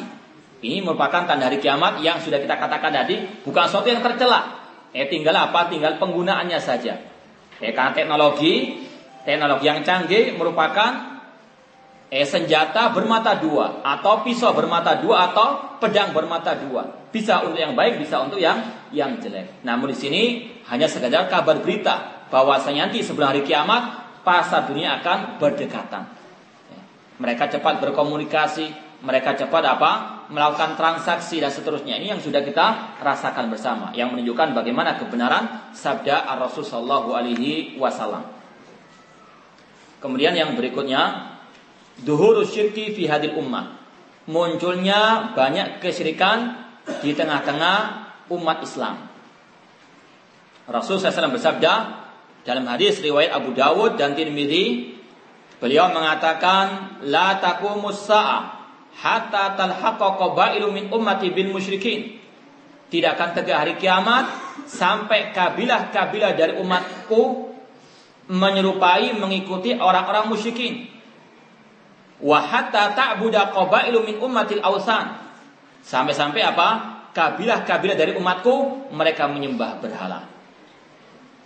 Ini yang terjadi. Ya, dan jangan dikira bahwasanya menyembah berhala itu hanya penyembah patung eh seperti orang-orang musyrikin jahiliyah dahulu namun lebih dari itu namanya syirik adalah menyembah kepada selain Allah berdoa kepada selain Allah siapa pun yang disembah eh, selain Allah itu adalah syirik kepada Allah Subhanahu wa taala. Menyembah wali yang telah mati adalah syirik kepada Allah. Eh, menyembah pohon keramat syirik kepada Allah. Sama saja apa pun yang disembah selain Allah itu namanya syirik kepada Allah Subhanahu wa taala. Apa pun namanya, meskipun dengan nama tawasul atau yang lainnya, Allah mengatakan walladzina takhadhu min duni awliya ma na'budum illa liqarribuna ila Allah. Dan orang-orang yang menjadikan sekutu-sekutu bagi Allah, mereka mengatakan kita tidak beribadah kepada mereka. Namun mereka akan mendekatkan kami kepada Allah dengan sedekat-dekatnya. Meskipun dengan nama tawasul, tetap Allah mengatakan itu adalah syirik kepada Allah Subhanahu wa taala. Eh berapa banyak Berapa banyak orang-orang yang mati di kuburan, wali-wali dan seterusnya, tuan-tuan guru yang mati di kuburan, ya diminta-minta selain Allah Subhanahu wa taala. Ini merupakan salah satu tanda kebenaran sabda Rasulullah SAW akan munculnya kesyirikan dan tersebarnya kesyirikan di tengah-tengah kaum muslimin. Banyaknya masjid-masjid yang dibangun di atas kuburan atau kuburan-kuburan yang dimasukkan ke dalam masjid yang merupakan sarana menuju kepada kesyirikan Rasul SAW mengatakan, La'anallahu Yahuda wa Nasara itakhadu kuburu anbiya'in masajid. Allah melaknat orang-orang Yahudi dan Nasara yang menjadikan kuburan nabi-nabi mereka sebagai sebagai masjid. Dan ini yang banyak kita kita jumpai. Berapa banyak masjid-masjid yang dibangun di atas kuburan yang merupakan saran yang menuju kepada kesyirikan kepada Allah Subhanahu wa taala. Kemudian tanda yang berikutnya kasratut tijarah. Banyaknya perdagangan kasratu at-tijarah. Rasul SAW bersabda,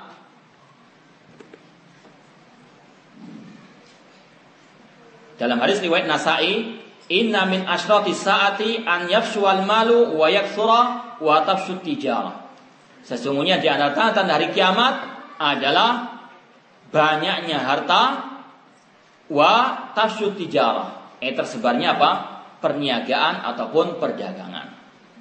Ini sekali lagi ini bukan suatu hal yang tercela. Tinggal apa? Bagaimana caranya apakah syariat ataukah tidak, apakah tidak melanggar syariat ataukah tidak. Ya, karena masalah dunia ini kembali lagi kepada hukum Allah Subhanahu wa taala, apalagi masalah perdagangan. Eh Rasul SAW banyak mengajarkan tentang bagaimana cara perniagaan. Bahkan di dalam suatu riwayat disebutkan di sini Wak, uh, dijelaskan oleh uh, muallif pengarang di sini waqat waqa'a hadza fakathrati tijara wa syarakat fiha anisa eh bahkan wanita-wanita pun ikut juga apa? Ya berniaga, ikut berdagang sehingga menimbulkan fitnah di tengah-tengah manusia. Dan ini yang dikhawatirkan oleh Nabi Shallallahu Alaihi Wasallam. Eh, asal mencari dunia tidak ada masalah, namun mencari dunia untuk untuk akhirat, bukan untuk segala-galanya. Eh, Rasul SAW mengajarkan kepada kita sebuah doa, wala tajai dunia akbar hamina, wala mablagha ilmina. Ya Allah, janganlah engkau jadikan dunia sebagai akhir puncak cita-citaku dan sebagai akhir daripada ilmuku. Cari dunia sebanyak-banyaknya, ya. Namun tujuan kita adalah untuk meraih negeri akhirat. Itu yang dia apa? Yang diinginkan. Jangan sampai apa mencari dunia sehingga lalai daripada akhirat. Dan itu yang dikhawatirkan oleh Nabi SAW. Rasul mengatakan, Wallahi mal fakru aksha alaikum walakinnani aksha alaikum antum satat dunya alaikum kama busitat ala kana qablakum. Kata Rasul SAW, demi Allah, bukan kemiskinan, bukan kefakiran yang aku khawatirkan atas kalian. Akan tetapi yang aku khawatirkan atas kalian yaitu dibentangkannya dunia. Ya. Sebagaimana dibentangkannya dunia kepada orang-orang sebelum kalian. Fatana fasuha. Mereka pun apa? Berlomba-lomba. Sehingga melupakan akhirat. Fatana fasuha. Demikian pula kalian akan apa berlomba-lomba dengan urusan dunia tersebut? Wa tuhlikukum kama ahlakathum. Dan dunia itu akan membinasakan kalian sebagaimana umat dahulu ayat binasa atas eh, dunia. Hadis riwayat Al Bukhari ini yang disebutkan Rasulullah SAW bukan kemiskinan yang dikhawatirkan kepada umat yang namun lebih dari itu Rasul mengkhawatirkan umat ini apa? Dibentangkan dunia sehingga lalai terhadap urusan akhirat Berapa banyak orang yang sukses ketika ditimpa apa? Kemiskinan. Eh, dia masya Allah rajin ibadah, rajin berdoa, bersabar dan sebagainya. Namun ketika diberikan dunia, lupa terhadap segala-galanya dari urusan akhirat ini. Ini yang dikhawatirkan oleh Rasul SAW. Makanya Rasul mengatakan, takut dunia. Ya, berhati-hatilah kalian terhadap itu terhadap dunia. Kun fid dunya ka'annaka gharibun au abiru sabil. Jadilah engkau di dunia ini seperti orang yang apa? Melewati suatu jalan lewat saja di dunia ini. Jangan apa? Bercita-cita kekal abadi di dunia ini. Eh, au sabil. Kun ghariban au sabil. Jadilah orang yang gharib, yang musafir, yang asing di tengah-tengah manusia yang lainnya. Karena engkau punya kampung halaman yang sejati, yaitu negeri negeri akhirat. Ini yang harus apa? Diyakinkan dalam diri seorang muslim ataupun muslimah. Cari dunia tidak ada masalah. Cuma apa? Ya, cari dunia untuk akhirat. Bukan dunia segala segala-galanya.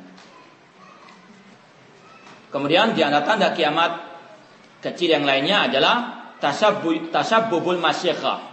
Eh tasabbubu al masyikhah. Kalau diterjemahkan adanya orang-orang tua atau tua-tua kelaji, ya. Bukan tua-tua kelaji, tua-tua kelaji. Yaitu orang-orang tua yang sudah beruban namun dia merubah penampilannya dengan menyemirnya dengan semir hitam. Ya, biar seperti anak Abiki. Ya. Eh, Rasul SAW bersabda, Yakunu qawmun yakhdibuna fi akhir zaman bisawat. Akan ada di akhir zaman nanti orang-orang tua yang mereka menyemir ya, rambut-rambut mereka ataupun jenggot-jenggot mereka dengan warna hitam. Yang mana Rasul SAW melarang kita untuk menyemir dengan warna hitam. Ya, rambut atau yang lainnya. Nah, meskipun demikian, jangan sampai kita salah kaprah memahami sehingga seperti orang-orang ya anak-anak jalanan itu yang menyemir eh, rambutnya dengan eh, warna-warna pelangi dan sebagainya. Ya. Eh, ini adalah salah satu tasabuh dengan orang-orang eh, fusak. Eh, bukan itu maksud Nabi SAW menyuruh kita untuk apa atau membolehkan kita menyemir eh, uban, rambut ataupun jenggot namun tidak boleh dengan apa? Dengan yang hitam. Eh, Rasul SAW mengatakan, "Ghayyiru hadza bi syai'in sawada." Kata Rasulullah, eh, rubahlah warna ubanmu tersebut dan jauhkanlah diri kalian dengan warna asawat, warna warna hitam. Eh, karena kalau orang tua menyemir rambutnya yang sudah beruban dengan warna hitam, ini mungkin apa? Eh, menipu eh, wanita-wanita yang lain dikira dia masih apa? Masih muda padahal sudah bau tanah. Kemudian yang berikutnya yang ke-26 di antara tanda kiamat kecil adalah duhurul kasiatil ariyat. adanya wanita-wanita yang berpakaian namun telanjang. Rasul SAW pernah bersabda dalam hadis riwayat Muslim, Sinfani min ahlin nar lam arahuma. Ada dua penghuni api neraka yang belum pernah aku lihat. Artinya pada zaman Rasul belum pernah ada. Di antaranya nisaun kasiyatun ariyatun mumilatun ma'ilatun ru'usuhunna ka asnamil bukhtil ma'ilah la yadkhulna al-jannah wa la yajidna rihaha wa inna rihaha la yujadu min masirati kada wa kada. Kata Rasul SAW, di antara dua calon penghuni neraka tersebut yang belum pernah dilihat oleh Rasul SAW adalah wanita-wanita yang berpakaian namun telanjang. Imam Nawawi rahimahullah dalam sarah hadis ini beliau mengatakan makna wanita yang berpakaian namun telanjang kata beliau ada dua maknanya. Yang pertama orang itu tidak menutup semua auratnya. Yang mana wanita itu adalah aurat. Eh, kecuali menurut pendapat yang roji adalah wajah dan kedua telapak tangannya. Itu bukan aurat. Eh, sebagaimana dalam hadis al-asma atau asma Rasul mengatakan bahwasanya wanita jika telah balik tidak boleh terlihat kecuali wajah dan kedua telapak tangannya. Itu yang bukan aurat. Adapun selain itu harus ditutup. Di sini kata Imam An-Nawawi rahimahullah makna wanita yang berpakaian namun telanjang yaitu wanita-wanita yang tidak menutup auratnya dengan sempurna. Sebagainya terlihat. Ini termasuk wanita-wanita yang berpakaian namun telanjang yang diancam masuk dalam api neraka. Dan alangkah banyaknya wanita-wanita seperti itu. Demikian pula mana yang kedua, mereka memakai pakaian yang transparan. Ya, sehingga menampakkan ya, lekuk tubuhnya ataupun warna kulitnya atau yang lainnya daripada hal-hal yang merupakan auratnya. Ini merupakan salah satu makna daripada nisaun kasiatun ariyat. Ditambah lagi oleh para ulama lain yaitu dia memakai pakaian yang ketat sehingga apa? menunjukkan lekuk tubuhnya. Ini juga termasuk makna wanita-wanita yang berpakaian namun telanjang. Nauzubillah min dzalik. Ini yang ke-26. Sekarang yang ke-27. Kasratul kitabah. Di antara tanda hari kiamat atau tanda kecil hari kiamat adalah banyaknya penulisan-penulisan Nah, banyaknya Alkitabah.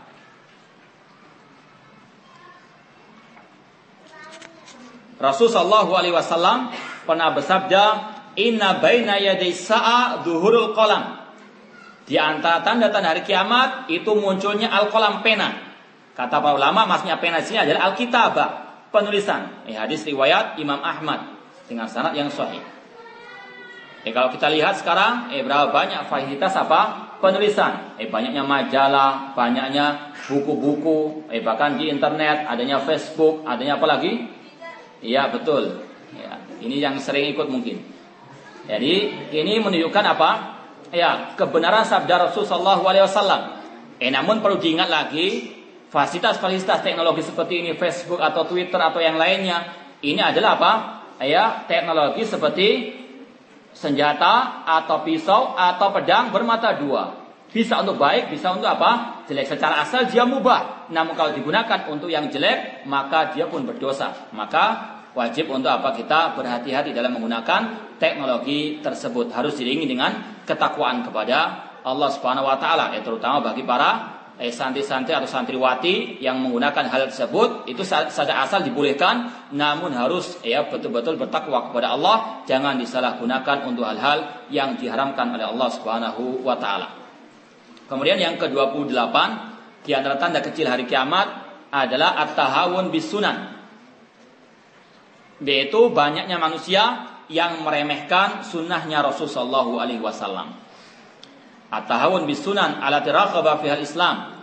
Dalam sebuah hadis Rasul SAW bersabda, Inna min asyrati sa'a an yamurra rajulu bil masjid la yusalli fihi rak'atain. Eh sesungguhnya di antara tanda hari kiamat yaitu seseorang melewati masjid ya, namun dia tidak sholat tahiyatul masjid. Hadis riwayat Ibnu Khuzaimah dengan sanad yang sahih. Dalam riwayat lain disebutkan Inna min amarati as-sa'a an tutakhadal masajid turuqan. Sesungguhnya di antara tanda-tanda hari kiamat yaitu dijadikannya masjid sebagai jalan, eh tempat lewat saja, dilewati saja tanpa apa? Salat tahiyatul masjid di dalamnya. Eh, meskipun yang roje tahiyatul masjid hukumnya adalah sunnah namun Jangan pernah kita meremehkan sunnah Rasul Shallallahu Alaihi Wasallam. Namun inilah di antara tahap kiamat. Eh, manusia-manusia yang apa tidak menjalankan sunnah Rasulullah SAW bahkan mereka meremehkan sunnah Rasulullah SAW bahkan lebih dari itu mereka menghina atau istihza kepada sunnahnya Rasulullah SAW. Kemudian yang ke-29 tanda hari kiamat yang berikutnya adalah kasatul kadib wa adam mutathabut fi akhbar. Tersebarnya kedustaan dan tidak adanya atasabut yaitu mencari kebenaran kabar berita tersebut. Ini merupakan juga tanda-tanda hari kiamat. Rasul SAW tadi sudah mengatakan di antara tanda hari kiamat yaitu yaksurul kadhib. Banyaknya apa? Kedustaan. Dan alangkah banyaknya orang yang berdusta di dalam perniagaan, dalam jual beli dan seterusnya yang menunjukkan kebenaran sabda Rasul sallallahu alaihi wasallam. Yang berikutnya 30 kasratu syahadati zur. Banyaknya saksi-saksi palsu. Banyaknya orang yang bersaksi dengan saksi yang yang palsu, bahkan syahadat yang palsu juga banyak. Ijazah-ijazah yang yang palsu yang merupakan syahadat zur. Rasul SAW bersabda, "Inna baina yaday sa'a syahadatu zur wa kitmanu syahadatil haq." Di antara tanda hari kiamat yaitu banyaknya syahadat zur, persaksian palsu ataupun disembunyikannya syahadat persaksian yang hak. Hadis riwayat Imam Ahmad. Kemudian yang berikutnya yang ke-31 seperti sudah kita sampaikan tadi, kasatu nisa atau rijal. Eh, sedikitnya laki-laki dan banyaknya wanita, perbandingannya 50 banding 1. Yang ke-32, kasratu mautil faja'ah. Yaitu banyaknya mati mendadak. Ya. Banyaknya mati mendadak. Rasul SAW mengatakan, Inna min amaratis sa'a an yadhara mautul faja'ati. Di antara tanda hari kiamat, munculnya kematian yang mendadak. Hadis riwayat uh, atau Broni dan selainnya dan Syekh Albani mengatakan derajatnya hasan. Eh, sekali lagi Rasul mengatakan di antara dari kiamat an yadhara mautul fajaah yaitu kematian mendadak. Eh, disebutkan di sini oleh pengarang wahada amrun musyahadun fi hada zaman. Ini adalah suatu hal yang kita bisa saksikan sendiri. Haitsu kasra fin nasi mautul fajaah. Banyak manusia yang mati mendadak ya, lagi di, lagi duduk baca buku atau baca koran mati. Ya. Naudzubillah kalau memang apa? Naudzubillah min dalik kalau apa dalam keadaan berbuat maksiat kepada Allah Subhanahu wa taala. Eh, maka ini merupakan apa? Hal-hal yang perlu untuk kita waspadai. Kita belajar hal seperti ini untuk kita waspadai. Jangan sampai kita mati mendadak dalam keadaan ya, su'ul khatimah. Naudzubillah min su'ul khatimah. Eh makanya Rasulullah SAW mengajarkan untuk kita apa? Continue dalam beramal asal agar kita kalau mati mendadak mati dalam keadaan husnul khatimah. Allah taala husnul khatimah. Di antaranya kata pengarang di sini wahada muisamin nasu fil waktil hadir bisakatil qalbiyah dan banyak manusia sekarang menamakan hal ini dengan ya apa namanya sakatul qalbiyah eh penyakit jantung ya eh, apa namanya ya terserang penyakit jantung kemudian mati mendadak. Ini adalah suatu satu hal yang menunjukkan kebenaran Nabi Nabi Shallallahu Alaihi Wasallam. Dan disebutkan di sini oleh Imam Al Bukhari rahimahullah, Imam Bukhari mengatakan, "Irtanim fil faraghi fasarruku'i." Gunakanlah waktu kosongmu untuk engkau melaksanakan ibadah, yaitu di antaranya ruku atau sholat beribadah kepada Allah. Irtanim fil faraghi fadla ruku' ambillah kesempatan eh kosongmu untuk salat kepada Allah Subhanahu wa taala. Fa'asa an yakuna mautuka baghtatan. Karena bisa jadi engkau mati dalam keadaan apa? Mendadak dalam keadaan engkau apa? Beribadah kepada Allah. Jangan biarkan waktu itu terbuang begitu saja. Gunakan untuk ibadah ketika engkau mati mendadak, engkau mati dalam keadaan husul khatimah. Kemudian beliau mengatakan, "Kam sahihin ra'aitu min ghairi sukmin, zahabat nafsuhu as-sahiha faltah." Berapa banyak orang yang segar bugar, yang sehat, yang tidak aku lihat penyakit pada dirinya, namun dia pun meninggal dalam keadaan mendadak. Dan kata Imam Ibnu Hajar Asqalani rahimahullah, dan yang aneh lagi, ucapan Imam Bukhari ini terjadi pada diri beliau.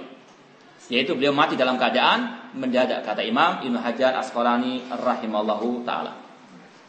Kemudian yang terakhir yang ke-33 di antara tanda kecil hari kiamat yaitu kitalul muslimin al yahud yaitu perang antara kaum muslimin dengan orang al yahud ini meskipun tandanya ini agak berdekatan dengan hari kiamat namun tetap dikatakan ini merupakan tanda kecil hari kiamat. Karena ini bukan masalah yang luar biasa. Dalam artian masalah perang masalah yang suatu biasa, bukan luar biasa. Rasul mengatakan dalam hadis riwayat Bukhari, "La taqumu sa'ah hatta yuqatilal muslimun al yahud." Tidak akan tegak hari kiamat sampai terjadi perang, ya, antara kaum muslimin dengan orang Yahud. Fayaktulahumul muslimun. Kaum muslimin akan membunuh, membantai orang-orang Yahud. Hatta yaktabi al yahudiyu min warin hajari wasyajar. Sampai-sampai seorang Yahudi eh lari tunggang langgang dia apa bersembunyi di balik bebatuan dan pepohonan ya. namun pepohonan dan batuan tersebut akan mengatakan ya muslim ya Abdullah wahai muslim wahai Abdullah hadza yahudiyun khalfi ta'al uktulhu. Wahai orang muslim wahai Abdullah di belakangku ada orang Yahudi kemarilah bunuhlah dia kecuali pohon gharqat karena itu merupakan pohon al-yahud. Ini adalah suatu hal yang pasti akan terjadi harus kita yakini. Eh bahwasanya kaum muslimin akan memenangkan perang dengan orang-orang al-Yahud namun syaratnya mereka harus menjadi apa? Ya muslim, ya Abdullah yaitu betul-betul berpegang teguh dengan Islam menjadi hamba-hamba Allah yang di atas sunnah Rasulullah alaihi wasallam. Itulah yang akan memenangkan perang eh, terhadap orang-orang al-Yahud. Ini sebagian tanda kecil hari kiamat yang kita bisa ringkas, yang bisa kita baca dari kitab Asyadis Sa'ah oleh Syekh Yusuf Wabil. Hafizallah Ta'ala. Ya, kita teruskan sedikit tentang tanda besar hari kiamat. Eh, kalau tadi tanda kecil hari kiamat, sekarang tanda besar hari kiamat. Ini disebutkan oleh Ar-Rasul SAW dalam hadis yang sahih, Rasul mengatakan secara lengkap tentang tanda hari kiamat besar. Beliau mengatakan, "Innaha lan taquma hatta tarau qablaha asyra ayat." Sesungguhnya tidak akan tegak hari kiamat sampai engkau melihat 10 tanda besar. Sampai engkau melihat tanda atau 10 tanda besar hari kiamat tersebut. Yang pertama kata Rasulullah ad-dukhan.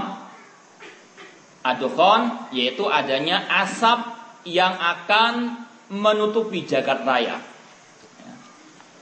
Ini sebagaimana dalam surat ad-dukhan. Eh, sebagaimana yang Allah firmankan dalam surat ad-dukhan, "Fartaqib yauma ya, yauma ta'tin nasa bidukhanin mubin." Ya.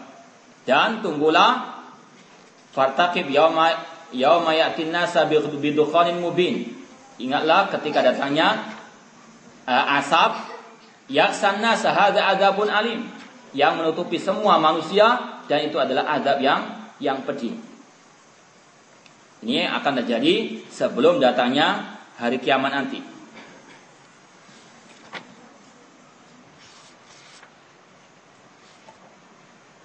Eh, bisa dilihat dalam surat Ad-Dukhan ayat yang ke-10 sampai 11 Fartakib yauma tatis sama mubin. Dan tunggulah suatu hari yang mana langit akan mendatangkan asap yang nyata yaksan nasa yang akan menutupi manusia hadza azabun alim dan itu adalah azab yang pedih. Surat Ad-Dukhan ayat 10 sampai ke 11. Kemudian yang kedua yaitu munculnya Ad-Dajjal. Eh munculnya Ad-Dajjal yang merupakan manusia eh manusia biasa min Bani Adam namun dia memiliki banyak hal-hal yang luar biasa. Ya, kita baca sedikit dari keterangan An Nabi Assalam ataupun pengarang di sini. Disebutkan beliau ada, dia adalah Dajjal sudah muncul pada zaman Nabi SAW yaitu ketika seorang sahabat yang bernama Tamim Ad-Dari terdampar di sebuah pulau, dia pun sempat berbincang-bincang dengan eh Dajjal. Jadi Dajjal sampai sekarang ini sudah ada, sekarang ini sudah ada, namun tempatnya masih dirahasiakan oleh SWT ini masih merupakan hal yang gaib. Dicari pun tidak akan mungkin bisa ketemu. Eh, karena masalah apa? Gaib. Allah yang akan memunculkannya pada hari kiamat atau sebelum hari kiamat kelak.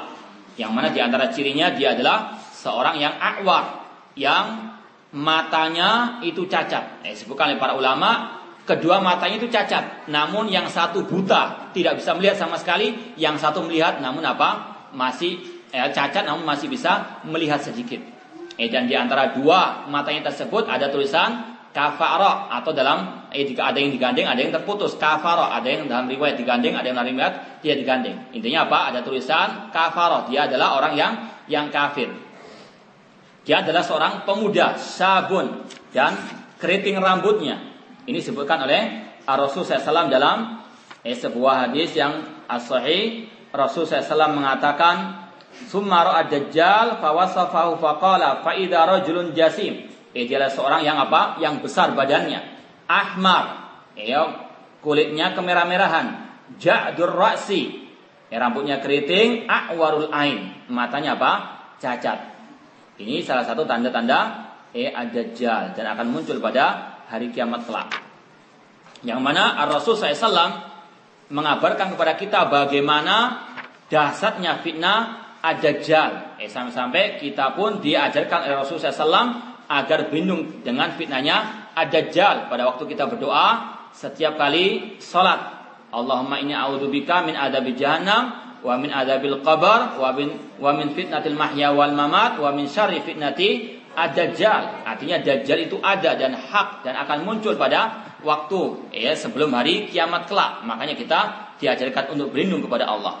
Ini bukan keyakinan sebagian orang yang mengatakan bahwanya dajjal itu hanyalah sekedar ramzun hanya sekedar uh, simbol akan banyaknya kemungkaran. Ini adalah penakwilan yang batil. Rasul SAW sendiri yang mengatakan Dajjal itu wujudnya ada dan pernah dilihat oleh sahabat Rasul Shallallahu Alaihi Wasallam. Ya, seperti tadi dalam kisah uh, Nah, Tamim Ad-Dari radhiyallahu taala anhu. Eh, kita bacakan sebuah hadis yang agak panjang tentang bagaimana fitnahnya Dajjal. Disebutkan dalam hadis Nawas bin Sam'an radhiyallahu anhu tentang Ad-Dajjal bahwasanya para sahabat bertanya kepada Rasulullah SAW, "Wa ma fil ardi?" Bagaimana dia tinggal di bumi ini? Beliau mengatakan arbauna yauman. Dajjal tinggal di atas muka bumi ini selama 40 hari. Yaumun kasana, satu harinya seperti satu tahun. Sangat cepatnya. Wa yaumun kasyahrin, satu harinya lagi seperti satu bulan. Wa yaumun kajum'atin, satu harinya seperti satu Jumat, satu pekan wasairu ayami ka ayamikum. Adapun setelahnya sebagaimana hari-hari bagi kalian. Kemudian kalau wama isra'u fil ardi. Bagaimana cepatnya dia berjalan di atas muka bumi ini wahai Rasulullah. Rasul mengatakan kal ghaithi ida istadbarat surrih. Ya, cepatnya dia berjalan itu seperti air hujan yang ditiup oleh angin yang sangat kencang. Fayati alal kaum, dia pun akan mendatangi sekelompok manusia. Fayada'uhum, ya dia dajjal akan mendakwai orang-orang tersebut untuk beriman kepadanya. Fayuk minu nabihi. Mereka pun beriman kepada Dajjal. Wa yastajibuna lahu. Mengikuti ajakan Dajjal. Fayak murasama fatuntir. Dajjal pun apa? Memerintahkan langit untuk apa? Menurunkan hujan. Wal arda fatun fatanbut. Dan memerintahkan bumi untuk menumbuhkan tumbuhan-tumbuhannya. Dan betul itu terjadi. Ya. Fa'amara sama fatumtira wal arda fatunbita. Dia memerintahkan langit untuk menurunkan hujan dan terjadi. Wal arda fatun ini semua dengan seizin dari Allah untuk menguji manusia. Siapa yang beriman kepada Dajjal dan siapa yang beriman kepada Allah Subhanahu wa taala sebagai fitnah bagi manusia. Kemudian fataruhu alaihim sarihatuhum atwala makana darran wasbaghu duru'an. Sehingga apa? Binatang ternak mereka pun eh, bertambah gemuk dengan adanya fitnah Dajjal tersebut dan mereka banyak memeras air susunya. Sumayatil kaum.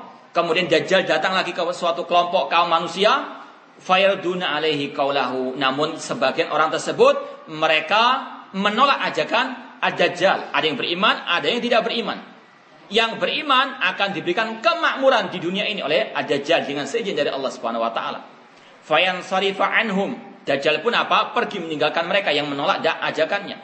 Fayusbihuna mumhilina laisa bi'adim syai'un min amwalihim mereka yang menolak Dajjal akan menjadi fakir miskin. Ya, ini adalah fitnah yang sangat yang sangat besar. Wa yamuru bil khirba. Kemudian Dajjal pun apa? Menancapkan tombaknya seraya mengatakan kepada bumi ini, akhriji kunuzaki. Keluarkanlah harta, harta bendamu atau harta karunmu, harta simpananmu. Fatat ba'uhu, maka harta karun dia dari bumi itu akan muncul dan akan mengikuti Dajjal kayak Asif bin Nahli seperti mengikutnya ya rombongan tawon. Summa yad'u rajulan mumtalian sababan fayadribu bisayf. Kemudian Dajjal mendakwai seorang pemuda ya kemudian dia dipukul dengan dengan pedang. Faiqta'u jazlatain ramyatal gharq. Kemudian dibelah menjadi dua pemuda tersebut sumaya kemudian didakwai untuk mengikutinya. Fayuqbilu wa yatahal waju wa yatahaq. Namun pemuda tersebut mentertawai dajjal.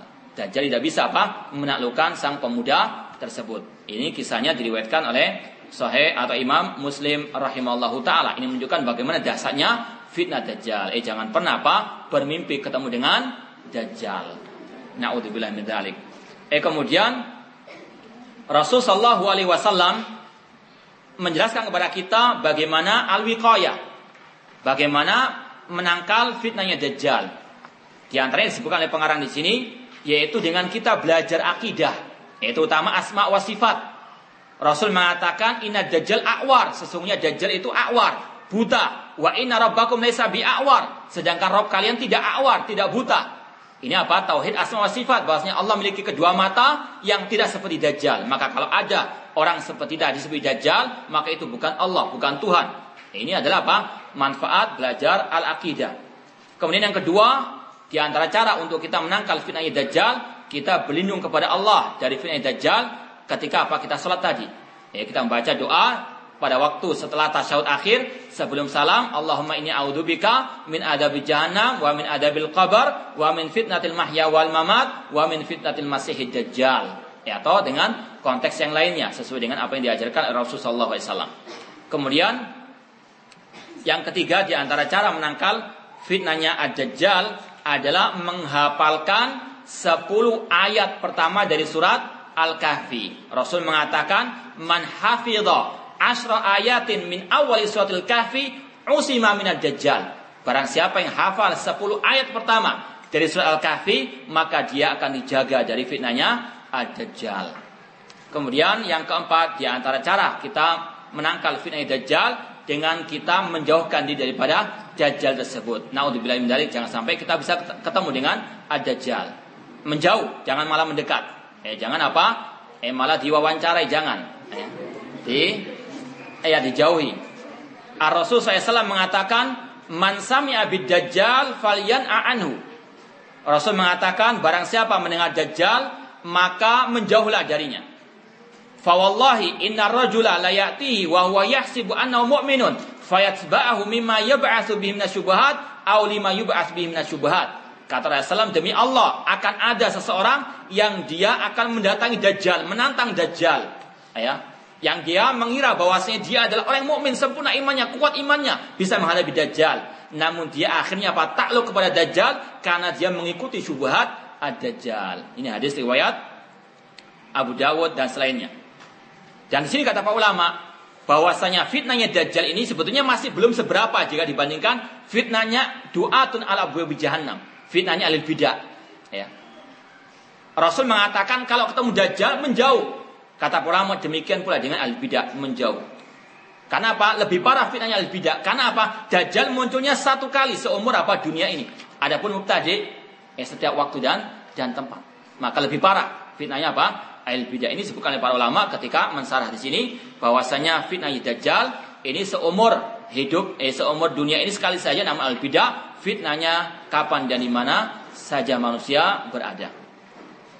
Kemudian tentang Dajjal ini yang yang terakhir tentang kisah Dajjal yaitu tentang bagaimana kebinasaan Ad-Dajjal.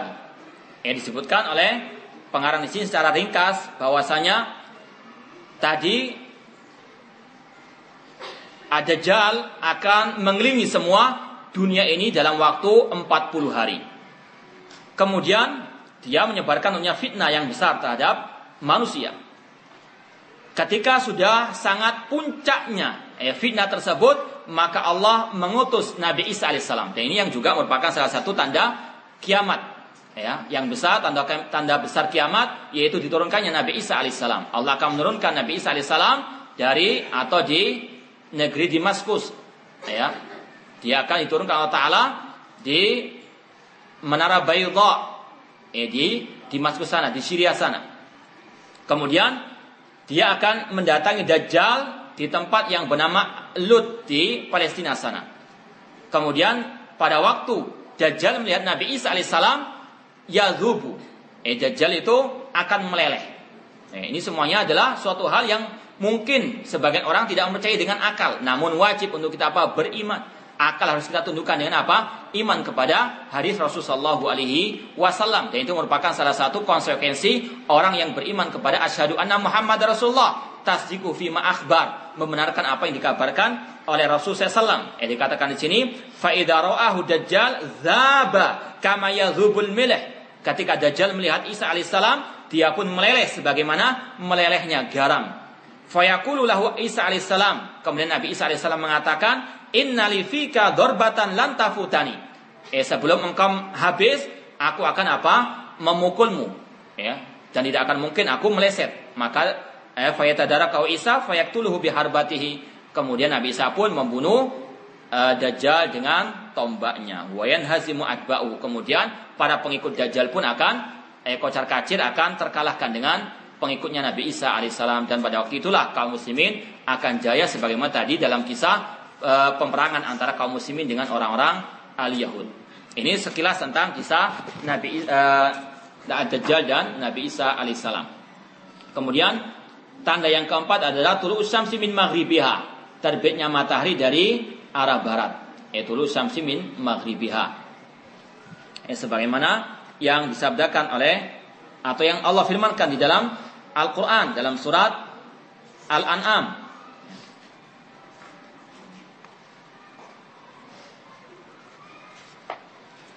Allah berfirman dalam surat Al-An'am ayat 158, "Yauma ya'ti ba'du ayati rabbika la yanfa'u nafsan imanuha lam takun amanat min qablu aw kasabat fi imaniha khaira."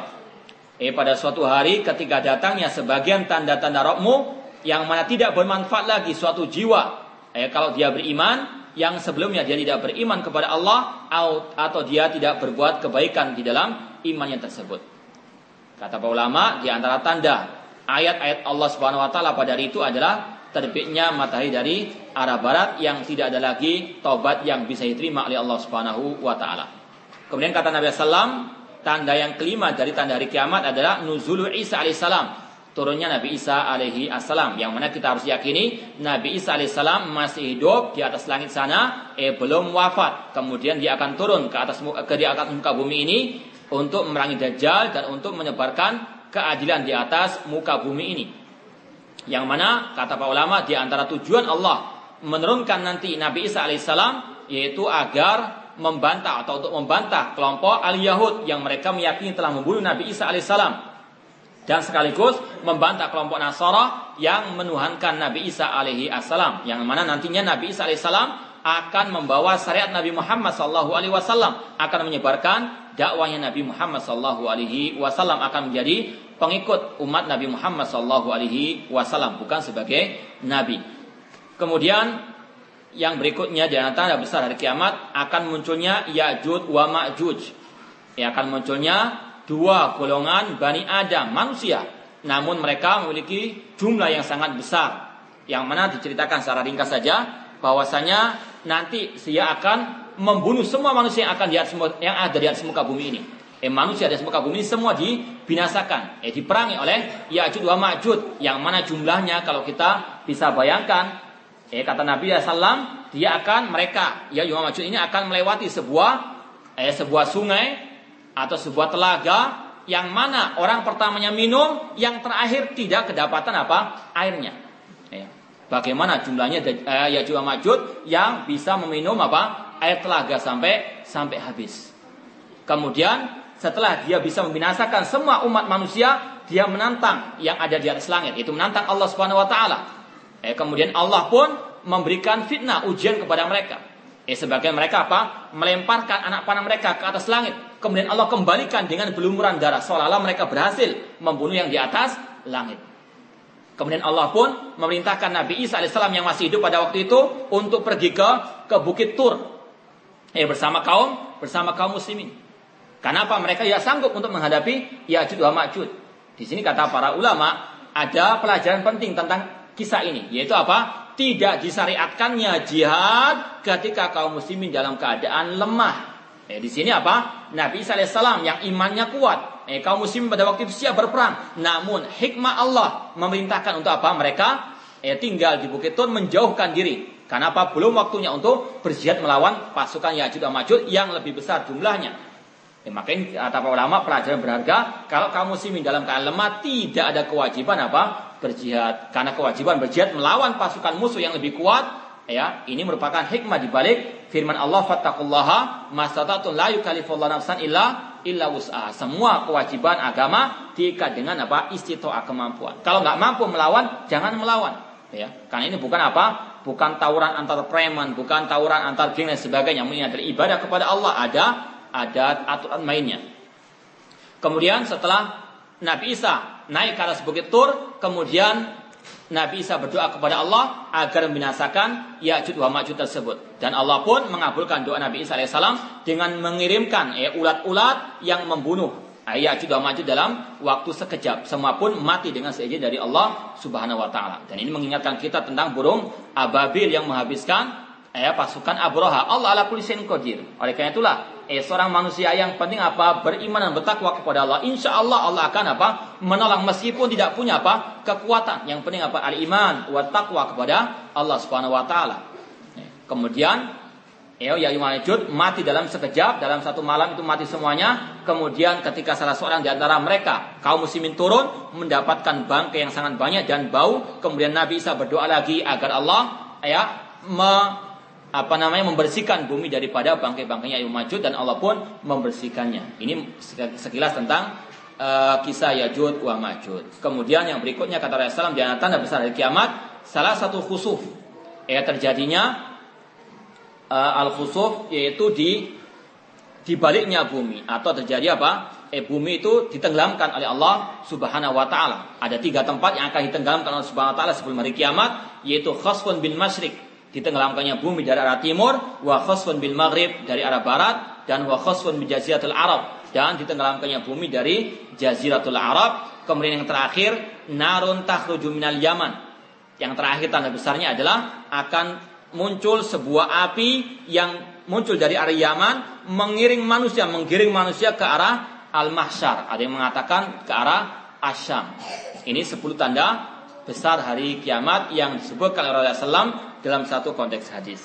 Yang mudah-mudahan apa yang kita sampaikan bermanfaat dan semoga kita bisa mengambil ibrah dari apa-apa yang kita telah sampaikan tadi. Wallahu taala wa akhiru da'wana alhamdulillahirabbil alamin dan sebelum kita akhiri mungkin ada pertanyaan tafadhalu. Ini ada pertanyaan, apakah Ya'jud dan Ma'jud serta Dajjal itu keluar dalam waktu yang bersamaan?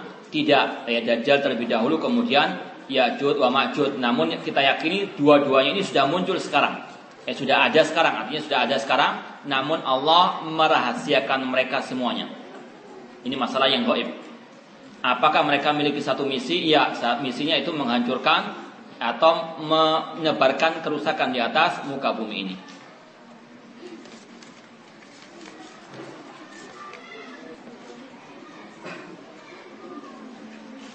Apakah jika kita lupa membaca bismillah Jika melakukan aktivitas sama doanya seperti saat lupa membaca bismillah sebelum makan? Eh tidak. Ya Membaca bismillah fi awali wa akhiri ini hanya khusus pada waktu makan. Ya, Kalau lupa melakukan lupa membaca bismillah sebelum beraktivitas Ya sudah. Ya, kita eh, memperbaiki diri pada waktu setelahnya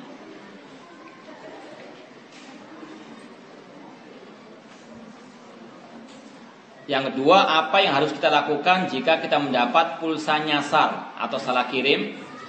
Pulsa kita terisi tapi kita tidak pernah mesen atau dibeliin. Ya, kalau kita tahu mana sumbernya, ya kita kembalikan, ya kita kembalikan. Karena itu bukan bukan hak kita.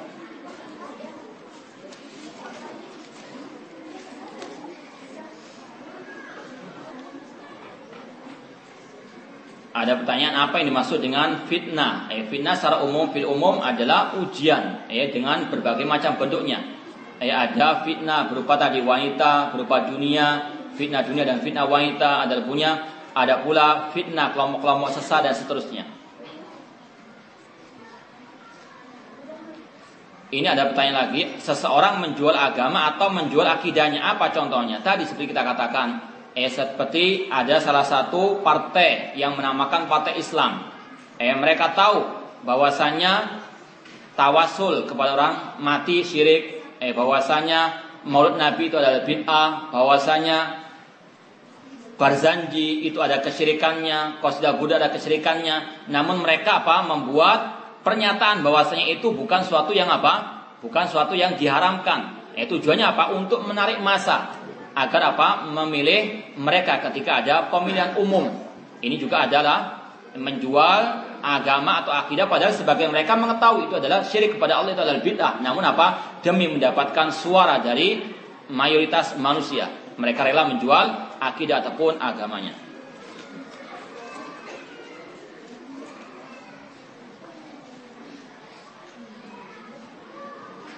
Bagaimana sikap kita terhadap orang yang mempunyai sifat cuek, mukanya selalu cemberut dan sok mentang-mentang dia kakak kelas, ngucapin.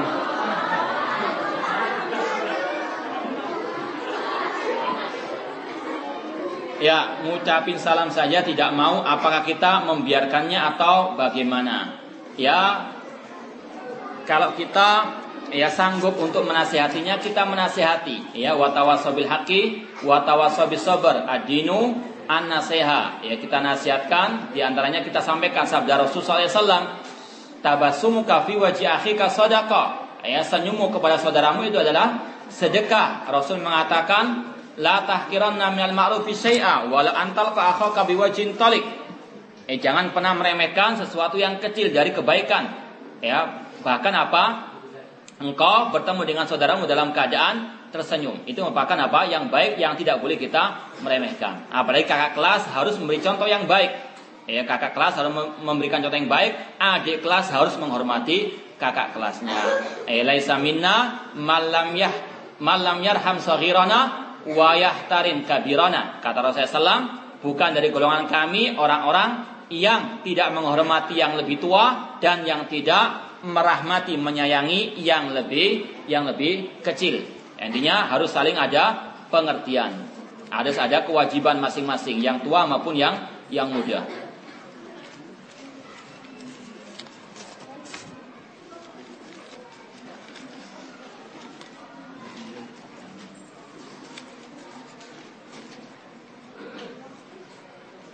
apakah hukum berdakwah? Ya, hukum berdakwah adalah wajib sesuai dengan kemampuan masing-masing. Ya, sesuai dengan kemampuan masing-masing.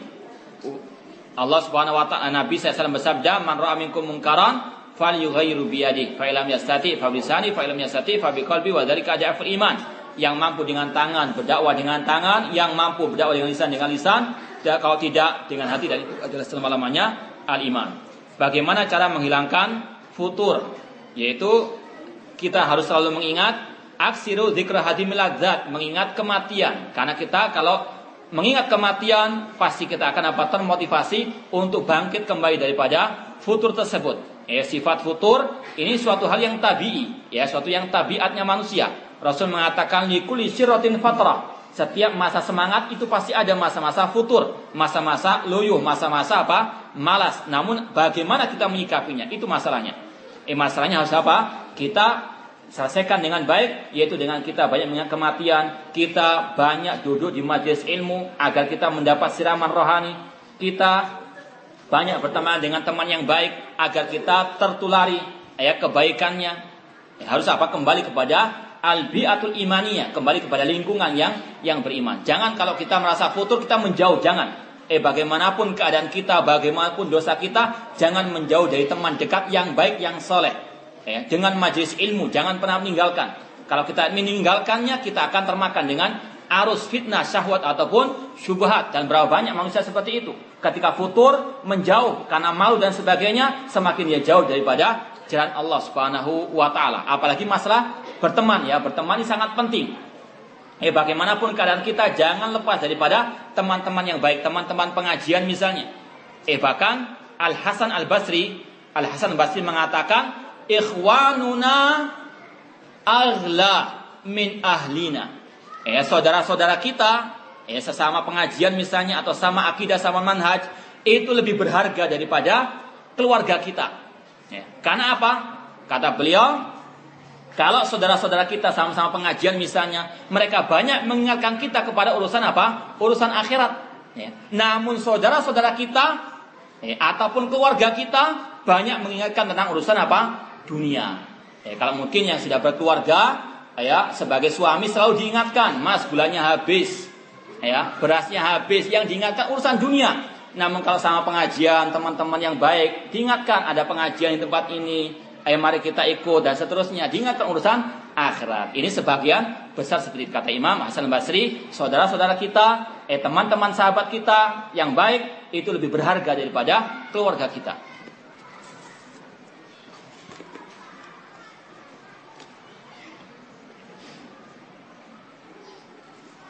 Apa maksud dari tenggelamkannya bumi dari timur, barat, dan dari Jaziratul Arab? Ini kejadian yang akan terjadi pada saat sebelum hari kiamat, yaitu Allah menenggelamkan eh, bumi eh, di sebelah timur sana dan di sebelah barat dan Jaziratul Arab. Ini merupakan eh, hal-hal eh, yang luar biasa yang terjadi sebelum hari kiamat nanti. Ini sesuatu yang nyata, eh, bukan suatu kiasan atau yang lainnya. Akan ditenggelamkan bumi ini oleh Allah Subhanahu Wa Taala di timur dan barat dan di Jaziratul Al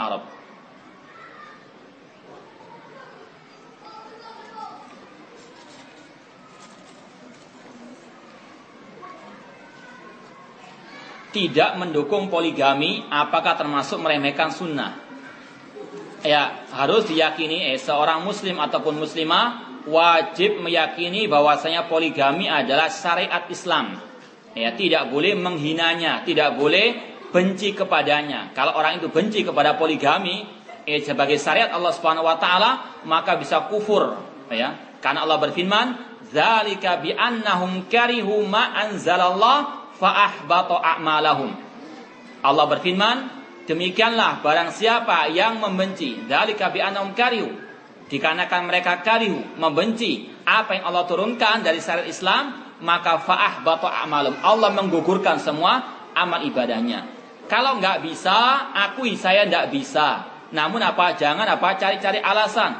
Ya bahkan apa mencela syariat Islam itu adalah suatu yang kejam, menyiksa wanita dan sebagainya. Ini adalah ucapan kufur kepada Allah Subhanahu wa taala. Eh kalau nggak bisa, ya akui tidak bisa, belum bisa. Namun harus apa meyakini adalah suatu hal yang disyariatkan. Apalagi kalau mendukung itu adalah salah satu tanda wanita salehah.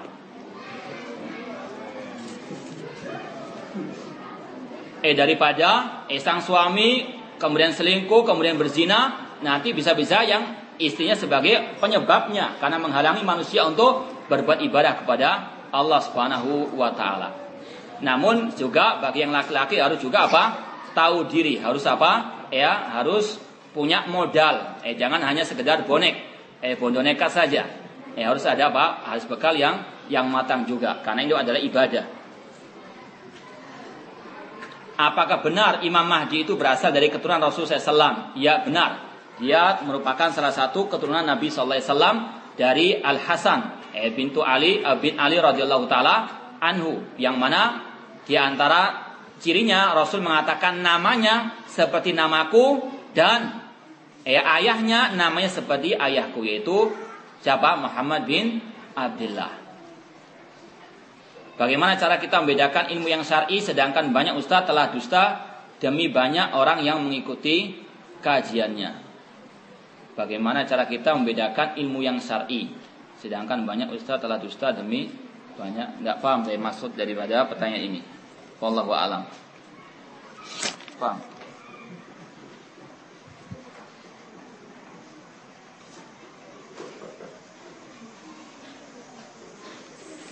Disebut apakah orang yang mengatakan bahwa hari Minggu lebih baik daripada hari Ahad?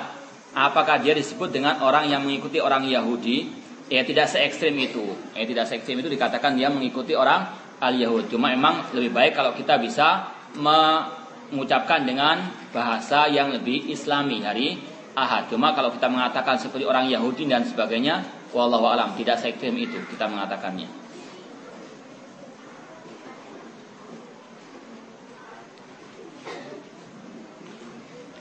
Bagaimana definisi jilbab seperti yang tertera dalam Quran Quran Al-Ahzab 59? Apakah boleh memakai baju terpisah atasan dan bawahan untuk wanita tapi syar'i tidak tipis, tidak menerawang, tidak menerawang dan tidak membentuk lekuk tubuh. Wallahu alam yang saya ketahui yang saya pahami tidak ada masalah. Yang penting syaratnya itu terpenuhi yaitu tidak transparan, tidak ketat, eh, kemudian tidak tasabuh dengan bentuk pakaian laki-laki eh, kemudian dia tercampur dengan pakaiannya orang-orang kafir. Ini merupakan syarat-syarat jilbab yang syar'i. Tidak ada para ulama sepengetahuan saya tidak ada syarat harus apa terusan. Eh, ini adalah suatu hal yang eh, tidak saya pernah ketahui penjelasan ulama harus terusan. Yang penting apa? Yang penting tidak transparan, harus lebar, tidak eh, tidak ketat dan sebagainya.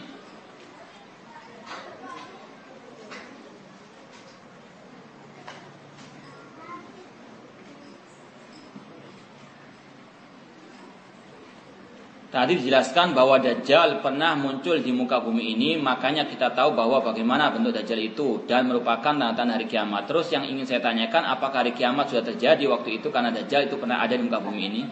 Eh ini nggak tahu, mungkin eh ketiduran atau gimana?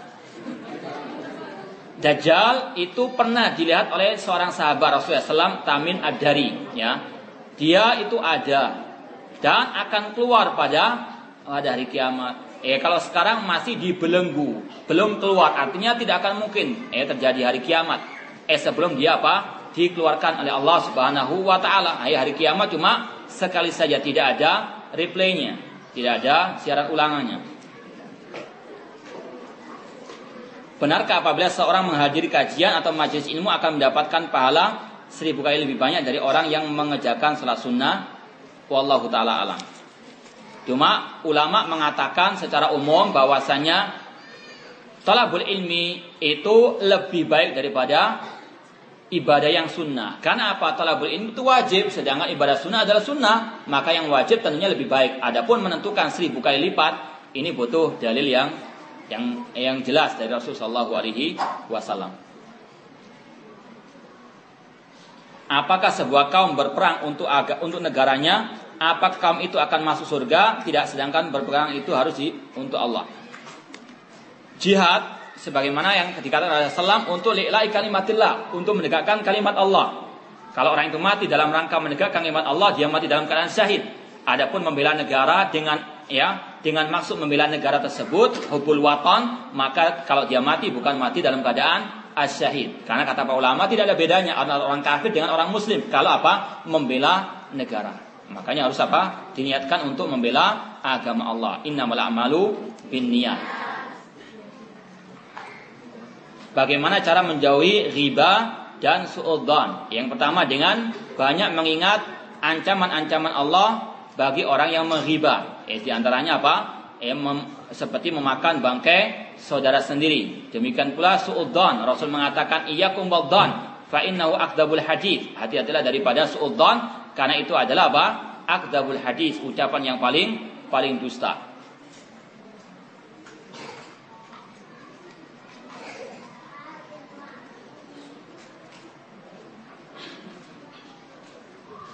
Setelah dikalakannya Dajjal oleh Nabi Isa alaihissalam, apakah langsung terjadi kiamat atau ada masa merasakan kedamaian setelah itu.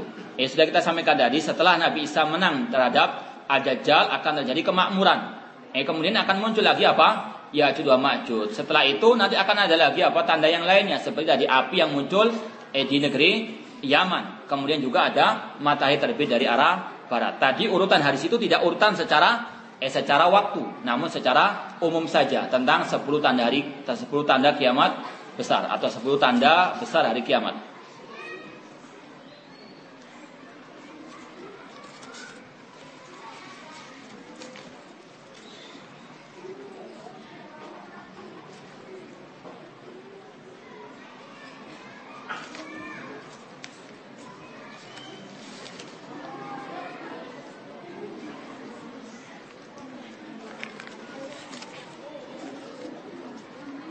Ada pertanyaan bagaimana menghadapi istri yang agak sombong, angkuh, kalau dinasihati tidak diperhatikan, bahkan mengeluarkan kata-kata yang kasar.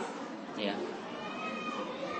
ya, kita hadapi yang pertama dengan asober kesabaran. Ya, karena sebagaimana kata Rasulullah SAW, wanita itu nakisatul akli wadin. Wanita itu kurang akalnya. Ya, kemudian Rasul mengatakan, istausu bin nisai khairan bahwasanya nasihatilah wanita itu dengan cara yang baik wa ashiruhunna bil ma'ruf karena mereka diciptakan dari tulang beng, tulang yang tulang rusuk yang yang bengkok. Ini juga harus apa dipahami oleh wanita agar apa tidak sombong. Dia itu dari tulang rusuk yang yang bengkok. Jadi harus apa? Tahu diri. Eh, kemudian juga apalagi seorang istri. Eh Rasul SAW banyak memberikan ancaman bagi istri-istri yang tidak mentaati suaminya. Eh bahkan Rasul SAW mengatakan di antara orang-orang yang tidak diterima amal ibadahnya oleh Allah Subhanahu wa taala yaitu istri-istri yang durhaka kepada suaminya sampai dia kembali taat kepada kepada suaminya. Demikian pula Rasul mengatakan di antara penghuni neraka yang paling banyak adalah wanita karena mereka yakfurnal ashir, mereka me, eh, mengkufuri kebaikan suaminya. Eh maka ini adalah hal-hal yang perlu disampaikan kepada istri tersebut ketika dia dalam keadaan membangkang suaminya. Dan istri harus apa? Harus menyadarinya bahwasanya surganya dia tidak akan mungkin dia peroleh kecuali dengan taat kepada suami di dalam hal yang ma'ruf. Apakah saya harus menceraikannya kalau sekiranya dia tidak bisa berubah? Ya, jangan eh cepat-cepat menceraikan. Ya, sabar dahulu, ya. Perlu sabar, perlu nasihat, ya. Banyak berdoa, dan juga banyak introspeksi diri. Mungkin bisa jadi dia berbuat seperti itu karena kita juga. Ya apalagi Allah berfirman ma'asabakum min musibatin fa bima kasabat aidikum wa ya'fu an tidaklah musibah menimpa kalian kecuali karena sebab dosa kalian. Ya istri yang tidak mentaati suami itu adalah musibah. Dan bisa jadi musibah itu apa? Dikarenakan kita sendiri yang banyak berbuat dosa juga. Maka harus semuanya introspeksi diri masing-masing.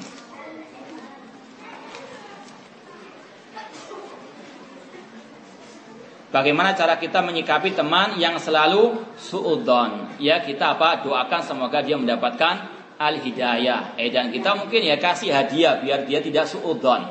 Eh jangan bakhil kepada teman biar dia apa? Berbuat baik kepada kita. Eh kita lawan kejelekan dengan kebaikan.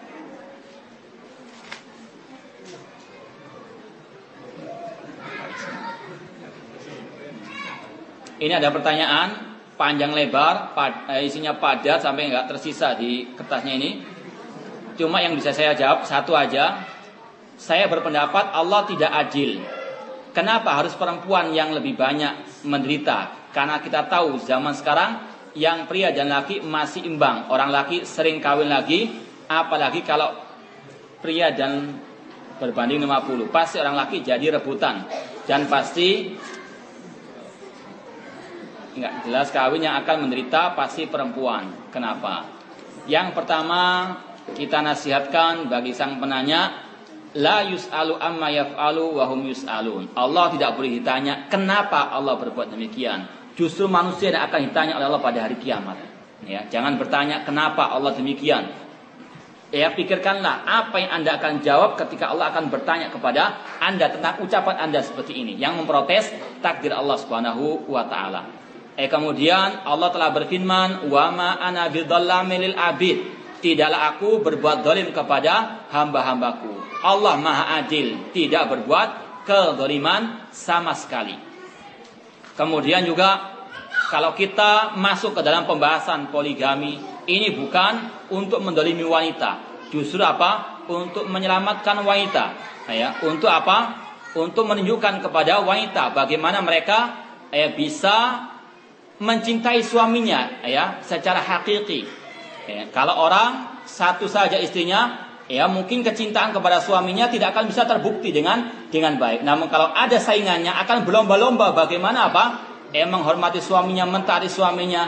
Ya, ini menunjukkan apa? Cinta yang yang sejati. Eh sebetulnya ini bukan eh, suatu hal yang kejam atau yang dolim dan sebagainya sebagaimana diucapkan oleh orang-orang tali dan sebagainya. Namun justru apa? Ini suatu keindahan dalam kehidupan. Namun kebanyakan manusia layak lamun tidak mengetahuinya. Ya, jadi tolong kata-kata mengatakan Allah tidak adil ini tolong ya harus dijauhkan dari diri kita. Karena apa? Allah mengatakan ini haram tudul ma'ala nafsi. Aku mengharamkan kedoliman bagi diriku. Eh, namun kita katakan tadi kalau memang belum bisa untuk dipoligami, ya terus terang, jangan apa mencela masalah poligami, apalagi mencela Allah Subhanahu wa taala. Wallahu taala alam.